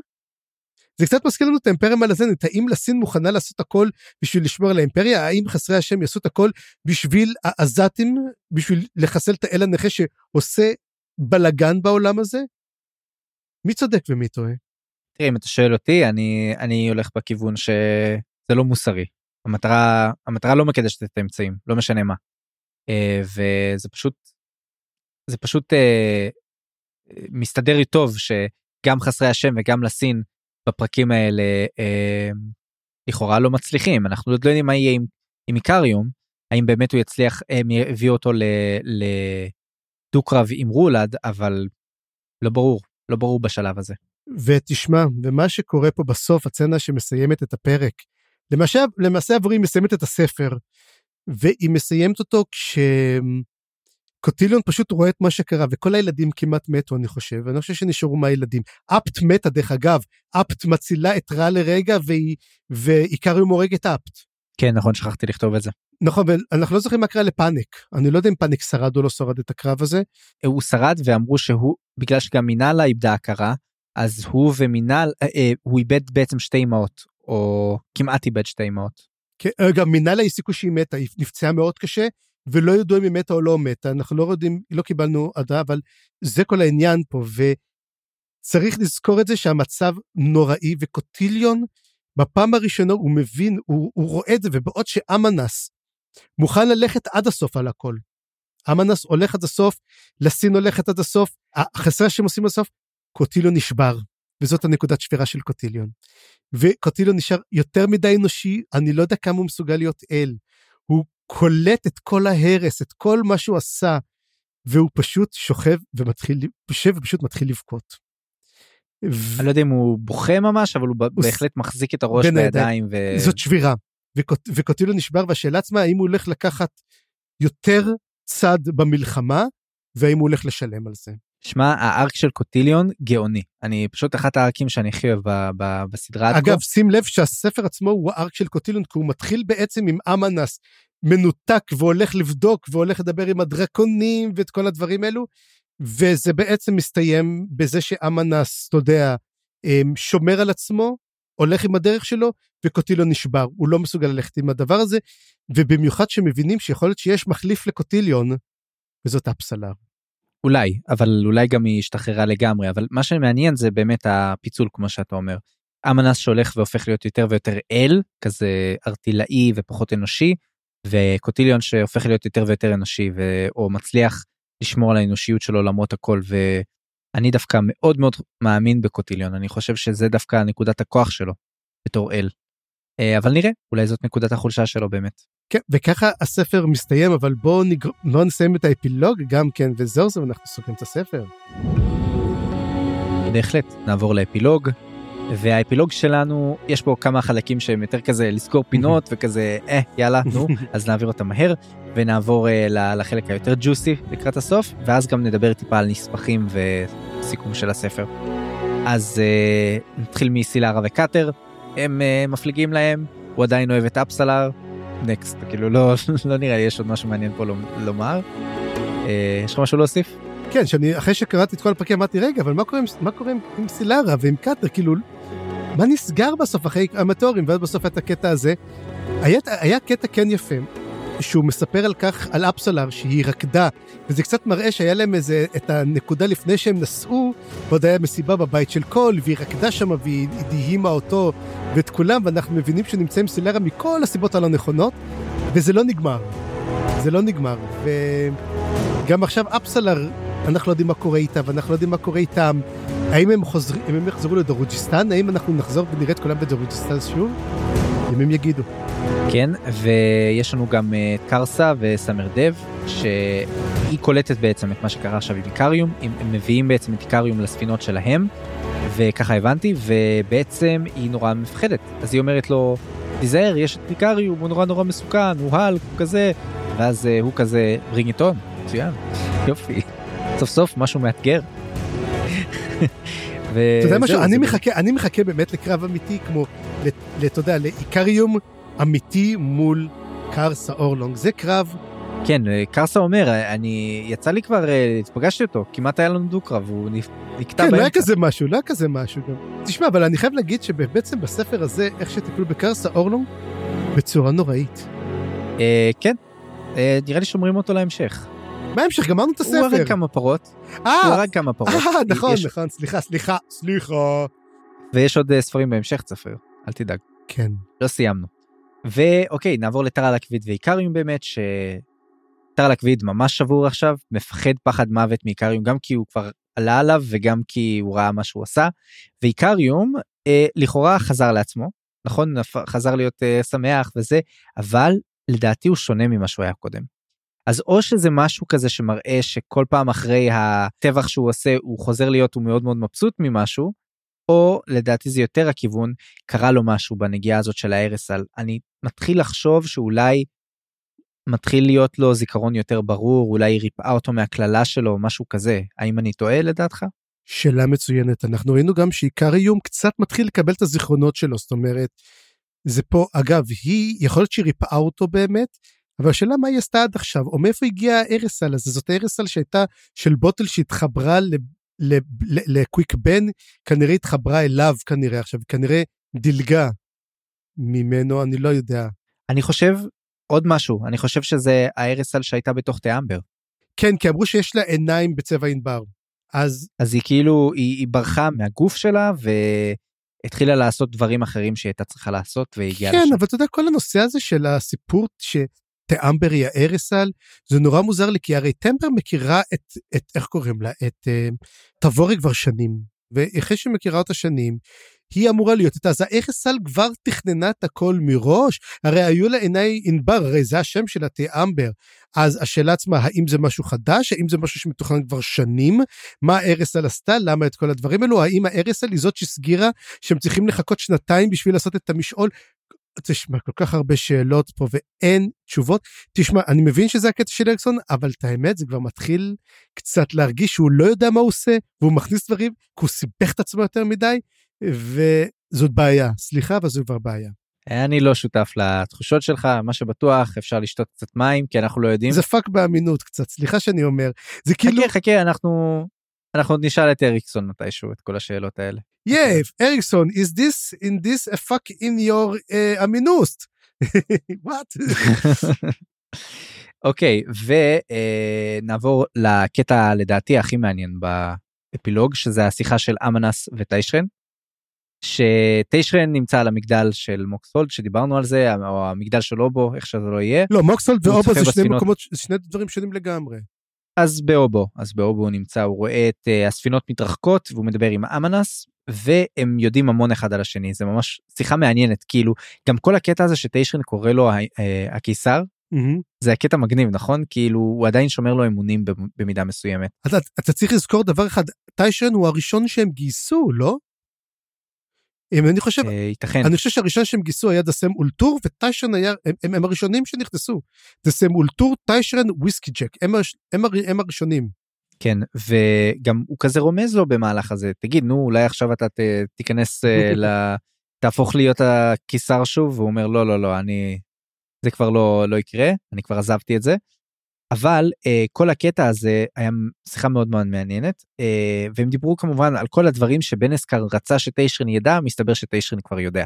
הוא יודע מה קרה במקדש בק- בקרטול הוא יודע מה דרק עושה. אה, וזה לא מפתיע מצד אחד מצד שני מה שמפתיע זה שטיישרן בעצמו חי. ואז הוא שואל אותו איך אתה עדיין חי אתה הרי אה, עדיין כהן של אה, דרק והוא אומר "אה, הגעתי איתה להסכמה. זאת אומרת יש בינו לבין דרק איזושהי הסכמה איזשהו. טיישרן הופך פה לדמות כל כך מעניינת פתאום אחרי השיחה הזאת נכון הוא כאילו יושב בצד הוא לא מתערב הוא לא עוזר ללסין הוא לא עוזר לטבורה. הוא כאילו בצד של קלנבד אבל הוא לא באמת של קלנבד הוא בצד של עצמו. כן. והוא הסכים להיות האס בשרוול של קוויקבן. כאילו הוא אומר אה, I'm gonna be the knuckle in the hole, כן. shave knuckle in the hole שלו ולא הבנתי את הקטע הזה. מתי? משהו עד עכשיו או מעכשיו? כנראה הם הגיעו להסכמה כלשהי, האמת יכול להיות שכבר הוא הסכים איתו כבר, אתה יודע, הרי היו- הייתה להם תקופה שהם היו אחרי אה, קורל, אז יכול להיות שהם הגיעו שם להסכמות ולתוכניות שלהם. אה, השאלה עצמה, אוקיי. האם אמנס לא דפק את התוכניות עכשיו? אבל כנראה, ייתכן. אבל כנראה הוא אומר לו, תשמע, אל תעשה את זה לקוויקבן, אני, אני איתו. קוויקבן ואני ביחד. כן. אמ, שזה מאוד, וואו. מה זה הדבר הזה? אגב, זה גם נחמד שאתה יודע שטיישון יכול להגיד, אה כן, אתה יודע, דיברתי עם דרק, והכל הכל טוב, דיברנו, סגרנו את זה בינינו. לא, כן היא לא היא באה להרוג אותי אבל אה, שכנעתי אותה לא לעשות את זה. כן. אה, וחוץ מזה גם הם מדברים על טמפר. ושם נראה לי הוא, הוא אומר שזה אולי הבן של קלנבד. ועוד משהו זה שקלנבד מאוד מאוד עצוב לגורל האביקנים. ואני לא הבנתי כל כך את הקטע הזה אומר האביקנים המסכנים שלי המסכנים שלי מה קורה שם למה Mm. למה הוא כל כך עצוב עליהם. צריך לזכור שהוא הוא, הוא, הוא מרגיש כמו האב אבא שלהם. הרי הייתה את המלחמה הגדולה מול הוויקנים, שהוא כרת את הסכם השלום ביניהם. ולכן הם נשבעו לו אמונים. לא, זה כמו למשל, תחשוב על הפריש של תבורי. הם נשבעו לו אמונים והוא מרגיש בעלות עליהם. ו- ו- אבל הוא אומר לו, אבל אהבתי את זה שם אומר, זה בסדר, הוויקנים ישרדו את זה. ולא רק זה, תמול יהפוך להיות הגדול. והוא הולך לאמן את קולטיין, והוא הולך להביא אותה מחדש. ואמרתי, יש סיכוי שלסין לא תמות בקרוב, יש סיכוי שייקח עוד הרבה זמן, אבל יש סיכוי שקולטיין זה יהיה זה שיעשה את זה. זה יהיה מאוד מאוד ציורי אם הוא יעשה את זה באמת. תשמע, אני, אבל ת, אנחנו יודעים שהסדרה לא, לא, לא, לא מתרחשת עוד עשרות שנים, לפחות אני יודע שלא. אבל, אז אנחנו לא נראה את זה, אבל אתה יודע, יש מקום לסדרות המשך. קולטיין versus לסין. ונסיים באמת בסיום הגדול של קרטול. וזאת הייתה סצנה מגניבה כי סגרה באמת בצורה מאוד מאוד יפה את, הסד... את הספר שהתחיל בקרטול ונגמר בקרטול ולא לא רק זה הוא נגמר עם בעצם ממשיכה של הליאן שנשלח להבין מה קרה שם במקדש הוא חוזר לממונה עליו ואין לו מושג מה קרה במקדש טרק הם ממציאים שם איזה משהו לא לא אמין. אמ, אורגיות, מתו באורגיה, אורגיה, אורגיה מטורפת, זה, זה התשובה. כן. וזה היה קצת אה, אה, מצד אחד מצד שני הסיום גם כמו שאמרת עם הכבישים שמכינים את המלכודות שלהם זה כאילו הכל מוכן כבר לספר הבא אנחנו רק צריכים אה, להרים אותו מהמדף Mhm. או להזמין אותו מבוק טיפוזיטורי או משהו ו- ולהתחיל את הסיפור זה שמע זה היה פשוט סיום מאוד מאוד יפה וסימבולי ותמטי אני מאוד אהבתי את זה. אגב, אם מדברים על סיום, שכחתי לכתוב, בדיוק אני רואה פתאום את ההערות שאמרתי, וואי, שכחתי להגיד אותו. אז אה, הסיום של פרק 23, הוא מסתיים באחת הצנות אולי שמגיעה אה, אפסלר, מגיעה לבר, ואז אה, רואים איזה, ואז מגיע ברייבנטוס, וברייבנטוס רוצה להתחיל איתה. ואז היא מגיעה, והיא זורקת אותו משם לכל הרוחות, ואז אה, יש שם איזה מישהו ששותה ואומר, טוב, אני רואה שבערב זה לא הולך לצאת לי כלום, לוקח את הבקבוק והולך, ומי זה? זה אראגן. ואתה יודע שאני תמיד מחפש את אראגן, וזה הזמן לפינה, איפה אראגן, הספר הזה? אז אראגן זה אותו אחד שהיה לו את הגיוס בספר הראשון, שתמיד יש לו כאבי ראש. כל פעם שיש את הקסם. אז כל פעם הוא מגיע ועכשיו מתברר שהפך להיות הפיסט העליון של מעלה סיטי. ויש לו, אגב, רואים אותו כל הספר בחלק הזה ויש לו כאבי ראש, הוא אומר, מה קורה גם למקום הזה? ובסוף אחרי שהוא רואה אותו, יש לו כאבי ראש, הוא אומר, לקחת, אומר, אני הלכתי לחדר, די, תעזבו אותי. אז הנה ארגן. אוי, זה מצוין, זה מצוין. אז עוד פעם ארגן, אני אומר לך, אני מחפש אותו כל פרק, אני מחפש איפה זה, זה, זה, זה, זה כמו, אתה יודע שהיה פעם את הספרים האלו של לימוד אנגלית, שהיה לך צפרדע ואתה צריך למצוא את, הצפר, לא, את האפרוח ואתה צריך למצוא אפרוח שם, כמו איפה אפי, אז זה זה. אז אראגן נמצא שם, ושם הוא נמצא, והכי כיף תמיד לסיים עם אראגן את הספר, אז הנה, הוא כן הופיע פה. נפלא, אפשר לסיים את זה, וכמובן הקישור שלו לאפסלר, אני פספסתי את כל העניין הזה, אז תודה על התזכורת. אבל אני דווקא אוהב לסיים את הספר אם נדבר על הנספחים. אז בוא נדבר רגע על הנספחים ונסיים. בטח. אוקיי. אז בנספחים נדבר לפי כל הקטגוריות, למרות שבאמת לא היה לי המון הערות, אבל נדבר על הנשגבים ואלים, שם מצאתי אל עתיק חדש, גריזין פארל. כן, גם אני ראיתי, לא הבנתי מה? מאיפה הביאו אותו, כן. אין לי מושג, לא, זה לא פעם ראשונה שהוא מביא דברים חדשים בנספחים אבל שלא לא, אבל לא, הספר, אבל לא היה לזה קשר, לא היה לזה קשר לספר הנוכחי, אז למה אתה שם את זה? אגב, אני חושב, ואני לא בטוח, שלפעמים הוא מערבב קצת דברים מהספרים, מהיסטוריה, אתה יודע, גם חלק מהספר הבא, אז אולי אנחנו נפגוש את אותו גריזין פארל בספר הבא. יכול מאוד להיות. Uh, בקלפים, מה שהיה לי הכי מוזר זה שהרשימה לא מעודכנת, היא לא לפי כל השינויים שנעשו. אז כנראה השינויים היו אומרים להיות הפתעה, ובכוונה הוא לא שינה אותם. יכול מאוד להיות, ויש לנו אה, רשימת עמים וגזעים קדומים שהופכת להיות מאוד מאוד ארוכה, שמה שמראה שאנחנו קיבלנו המון מידע על ההיסטוריה של מעלזן לאט לאט, ובאמת באמת באמת יש יותר משלושה ארבעה גזעים כמו שחשבנו בהתחלה, זה היה לי ממש מעניין לראות. אגב, מעניין גם כן שגם הברגהס נחשב לעם קדמון, ולא רק זה, אלא גם הטפלורים נחשבים לעם קדמון, לא טובלקאי, הטבלורים נזכרים שם. נכון, וגם הטרלים. נכון. הטרלים אנחנו יודעים הגיעו... כל העמים... כל, uh... כל העמים של הטובלקאי, הרי הטרלים אנחנו קיבלנו שהם הם, הם טובלקאי בערב דמם. כן. Um, ובמשעולים, uh, פתאום קיבלתי את, ה, את האישוש למה שדיברתי עליו מקודם, שקורלד ליאוסן וקורלד טירלנד רשומים בנפרד. זה לא אותו, לא אותו משעול. אז עוזי, יכול להיות שקורל ליוסן זה, זה בעצם המשעול שממנו מגיעים האטיסטה ליוסן, וקורל טירלן זה מה שנלקח מהם יותר לתלן אמ, או לטיר. אני לא יודע. או למשל, אתה יודע מה? או, אתה יודע משהו? מה שכן עניין אותי? אולי זה טיר גבוה פשוט. יכול להיות, אגב, תזכור, יש גם את הדבר הזה עם המשעולים. עם הלא משעולים, עם היסודנים, עם כל האלמנטלים. האם האלמנטלים קיימים? האם בעצם קורל טירלנד הוא um, יותר יסוד וקורל ליוסן הוא בעצם שייך לטיסטה? וואו, המון המון שאלות. אנחנו גם צריכים לזכור יותר שאנחנו לא כל כך סגורים על המיתולוגיה של העולם, אין לנו אותה. נכון, לאט לאט אנחנו מקבלים אותה בחלקים, והאמת, בספר הזה לא קיבלנו המון. היה לנו, נראה לי, כמעט וכלום. אה, בסצנה, נגיד בספר הקודם, היה את הסצנה ההיא שרואים את ה... נו, מה שמו? סילצ'ס רואין, ואיך שהוא רואה את הנפילה של אל הנכה, או משהו כזה. אבל בספר הזה לא היו המון כאלה, נכון? היה לנו קצת uh, כל מיני מסלקות מידע, למשל, שקוטיליון מדבר עם הדרקונים, וקצת הסברים על הדברים האלו, mm-hmm. וקצת קיבלנו יותר קצת אה, מידע על דרק ומה קורה שם, ועל מהות אלה. יותר בחלק הראשון של הספר, באמת. יותר בחלק הראשון, בחלק השני זה כבר משהו אחר. אני מקווה באמת שנקבל בספר הבא קצת יותר מידע. כן. ובמושגים היה לי נקודה אחת שפשוט חיזקה לי טיפה את ההבנה, אה, וזה מעניין שזה לא בא בתוך הספר עצמו, לדעתי לפחות, זה המושג של כהן ג'יסטלי. שמה זה ג'יסטלי? נראה לי נאמר במילה או בשתיים כזה, תבורי אמרה משהו, אבל יכול להיות שאני מתבלבל. בכל מקרה פה זה ממש חיזק לי את העובדה שזה כהן גדול של אל עתיק שמשתמש בדם אנושי לטקסים. וזה גרסה קדומה של דסטריאנט. שזה היה מאוד מעניין. אז אם כן, הרי אנחנו יודעים שהוא כהן ג'יסטלי של מהל, אז אולי מהל הסיר ידיו מהדברים האלה. אולי כשעובדים אל עתיק, כמו קרול או מהל, עושים טקסים שקשורים לדם. והכהנים שלהם שם, הדסטריאנטים, נקראים כהנים ג'יסטליים. פשוט מעניין אותי כמה באמת הוא עדיין קשור למהל, כי מהל הוא good guy, כאילו, ולקרול הוא לא. זה מצחיק שאני חושב שמייל עצמו הוא נגד האל הנכה, אבל הכהנים של מייל הם בעד האל הנכה, וזה אחד הדברים שדיברנו עליהם, שהמאמינים של האל כבר לא עושים את מה שהאל אומר להם. השאלה עצמה אם יש להם כוח, האם האל עדיין נותן להם כוח אפילו שהם לא מאמינים בו. או אפילו אם שהם הולכים על דברים אחרים. לא כמו דרק שהחליטה פשוט אה, לחסל. אגב, דרק, מה שמעניין כתוב גם על הדרק, שדרק הוא גם זכר וגם נקבה. אז כן. זה גם כן נכון. דבר מעניין שראינו, וגם ג'יסטלי גם כן באמת הביא, הביא אותי לשאלה מה זה דסטריאנט, הרי זה הדהים אותי באמת שוואו זה הדסטריאנט, אבל אם אני אשאל אותך עכשיו, אתה יודע, איך אומרים, מעירים אותך באמצע הלילה ושואלים אותך, מה ההבדל בין דסטריאנט ל mortal sword ל shield anvil, מה ההבדלים ביניהם?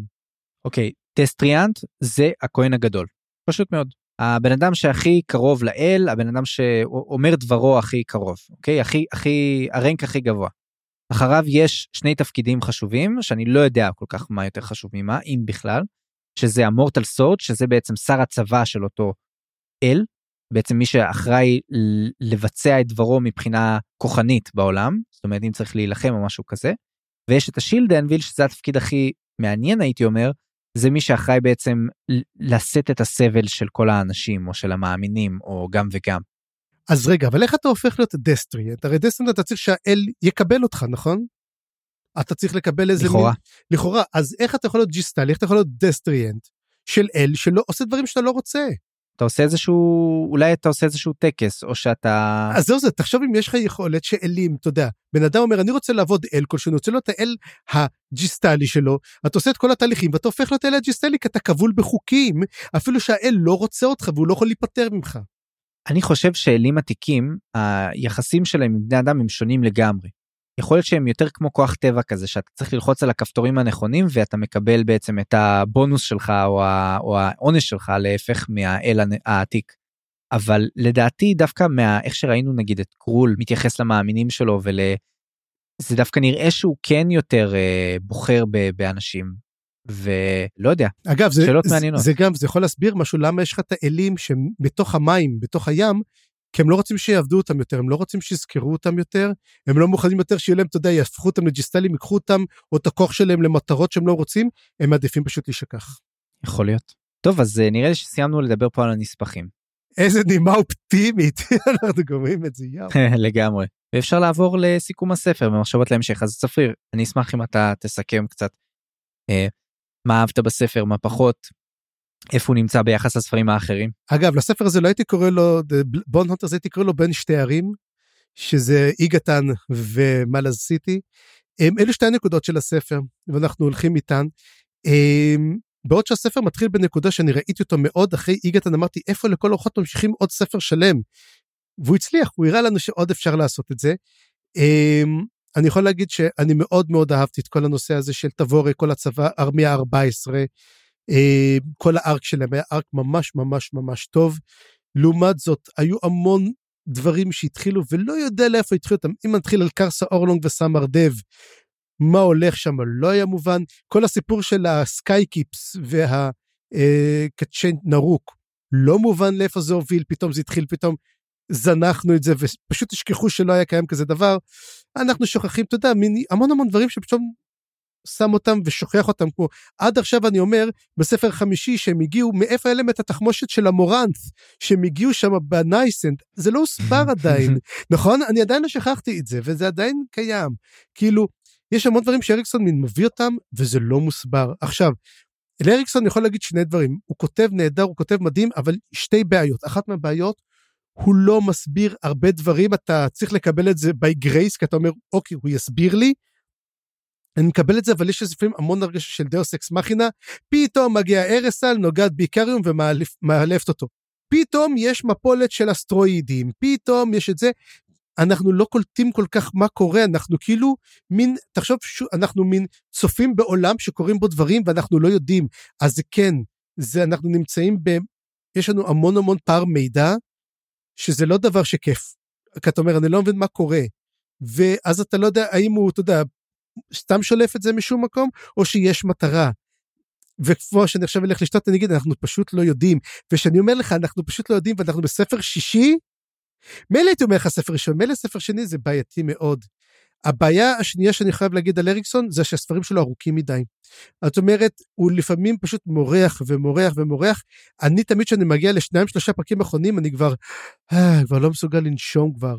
אה, כאילו, אוקיי, אתה העברת את מכסת העמודים, כאילו, אוקיי, אנחנו כאילו חוזרים ועוד ועוד ועוד ועוד ועוד, זה קשה, זה כבד, בסוף אתה קורא כבר, דרך אגב, כשאני כבר מגיע איתך לסיום, אני כבר אומר, אני כבר לא זוכר מה קרה בתחילת הספר, זה נראה לי כמו ספר אחר לגמרי. כן. אז אני כן אומר, זו קריאה מדהימה, היא כיפית, זה מדהים, אנחנו מקבלים המון פי-אופס, אבל המון המון, זה גם, אני מחזיק את זה ב... אתה יודע, יש פה את ה... יש את הדבר הזה, אתה יודע, את ה-sense of belief, אתה יודע, שאתה, אתה, sense, אתה יודע, אתה... suspension. suspension of belief, בדיוק, סליחה. השעיית חוסר האמונה. בדיוק. חוסר האמונה. ואני, וזה, וזה מאוד קשה להחזיק את זה, כי אני אומר, הוא באמת יודע? או שהוא סתם מוציא המון דברים והוא ימציא אחר כך למה. אבל אתה יודע, הוא ממש, הרבה פעמים הוא כן אמר, אוקיי, אני יודע שאתם דברים, וכן הוא עשה את זה, והוא כן עשה את זה בגדול, והוא כן הראה דברים, אבל אתה יודע, זה טרה אינקוגניטה, ואני לא יודע מה הולך פה, ואני מקווה ש... תשמע, אנחנו עוברים לספר שביעי, אז לפני שאני אגיד לך מה אני חושב בהמשך, בוא תגיד לי גם אתה, כי גם מעניין אותי לדעת אם אני לבד פה.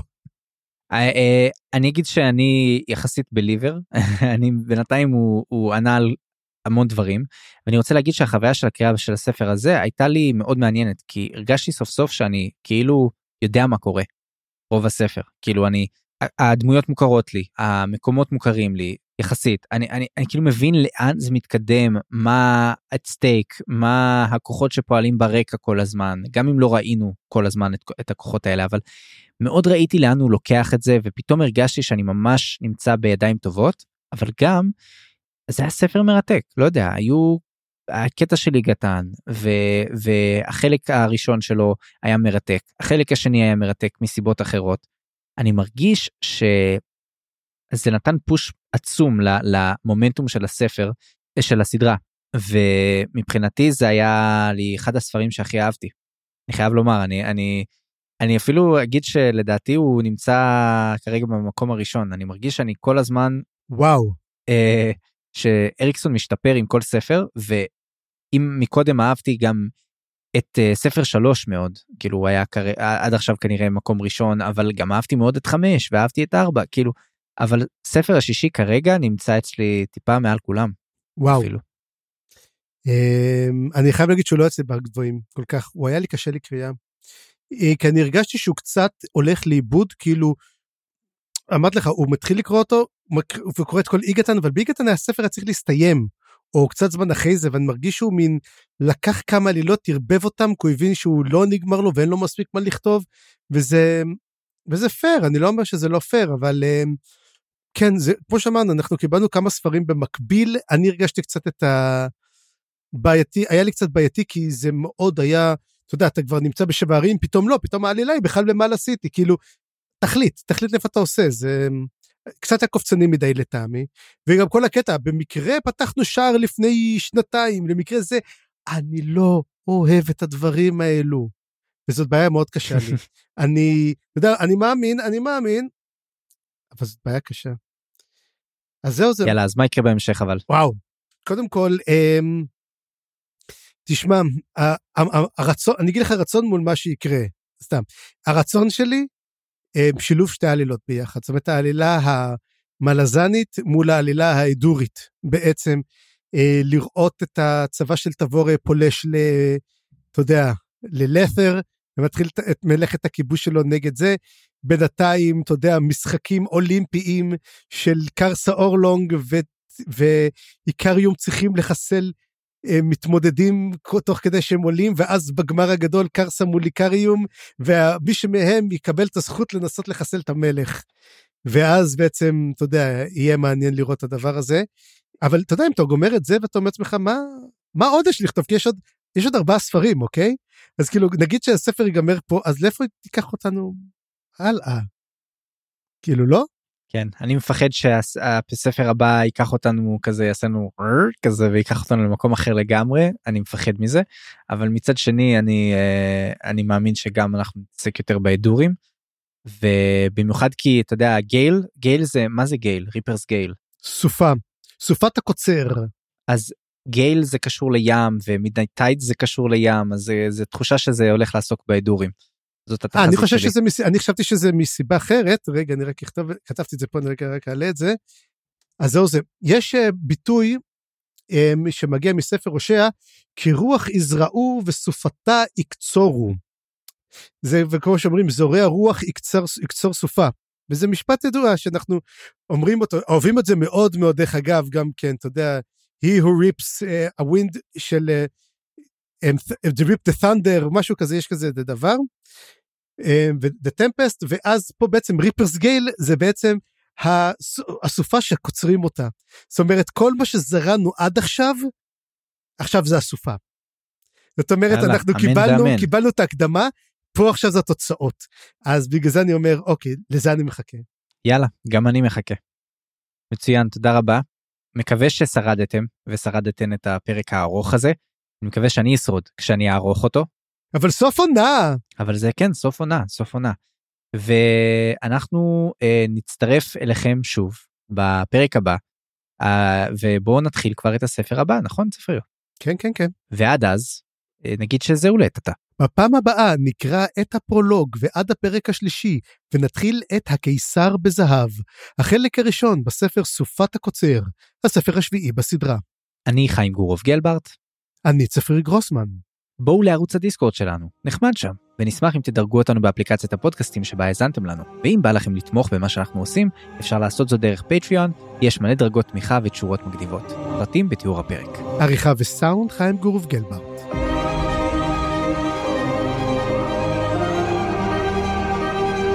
הצטרפו אלינו לדיונים בקבוצת הפייסבוק, מה לזן קבוצת קריאה. תודה שהאזנתם, וניפגש בפרק הבא.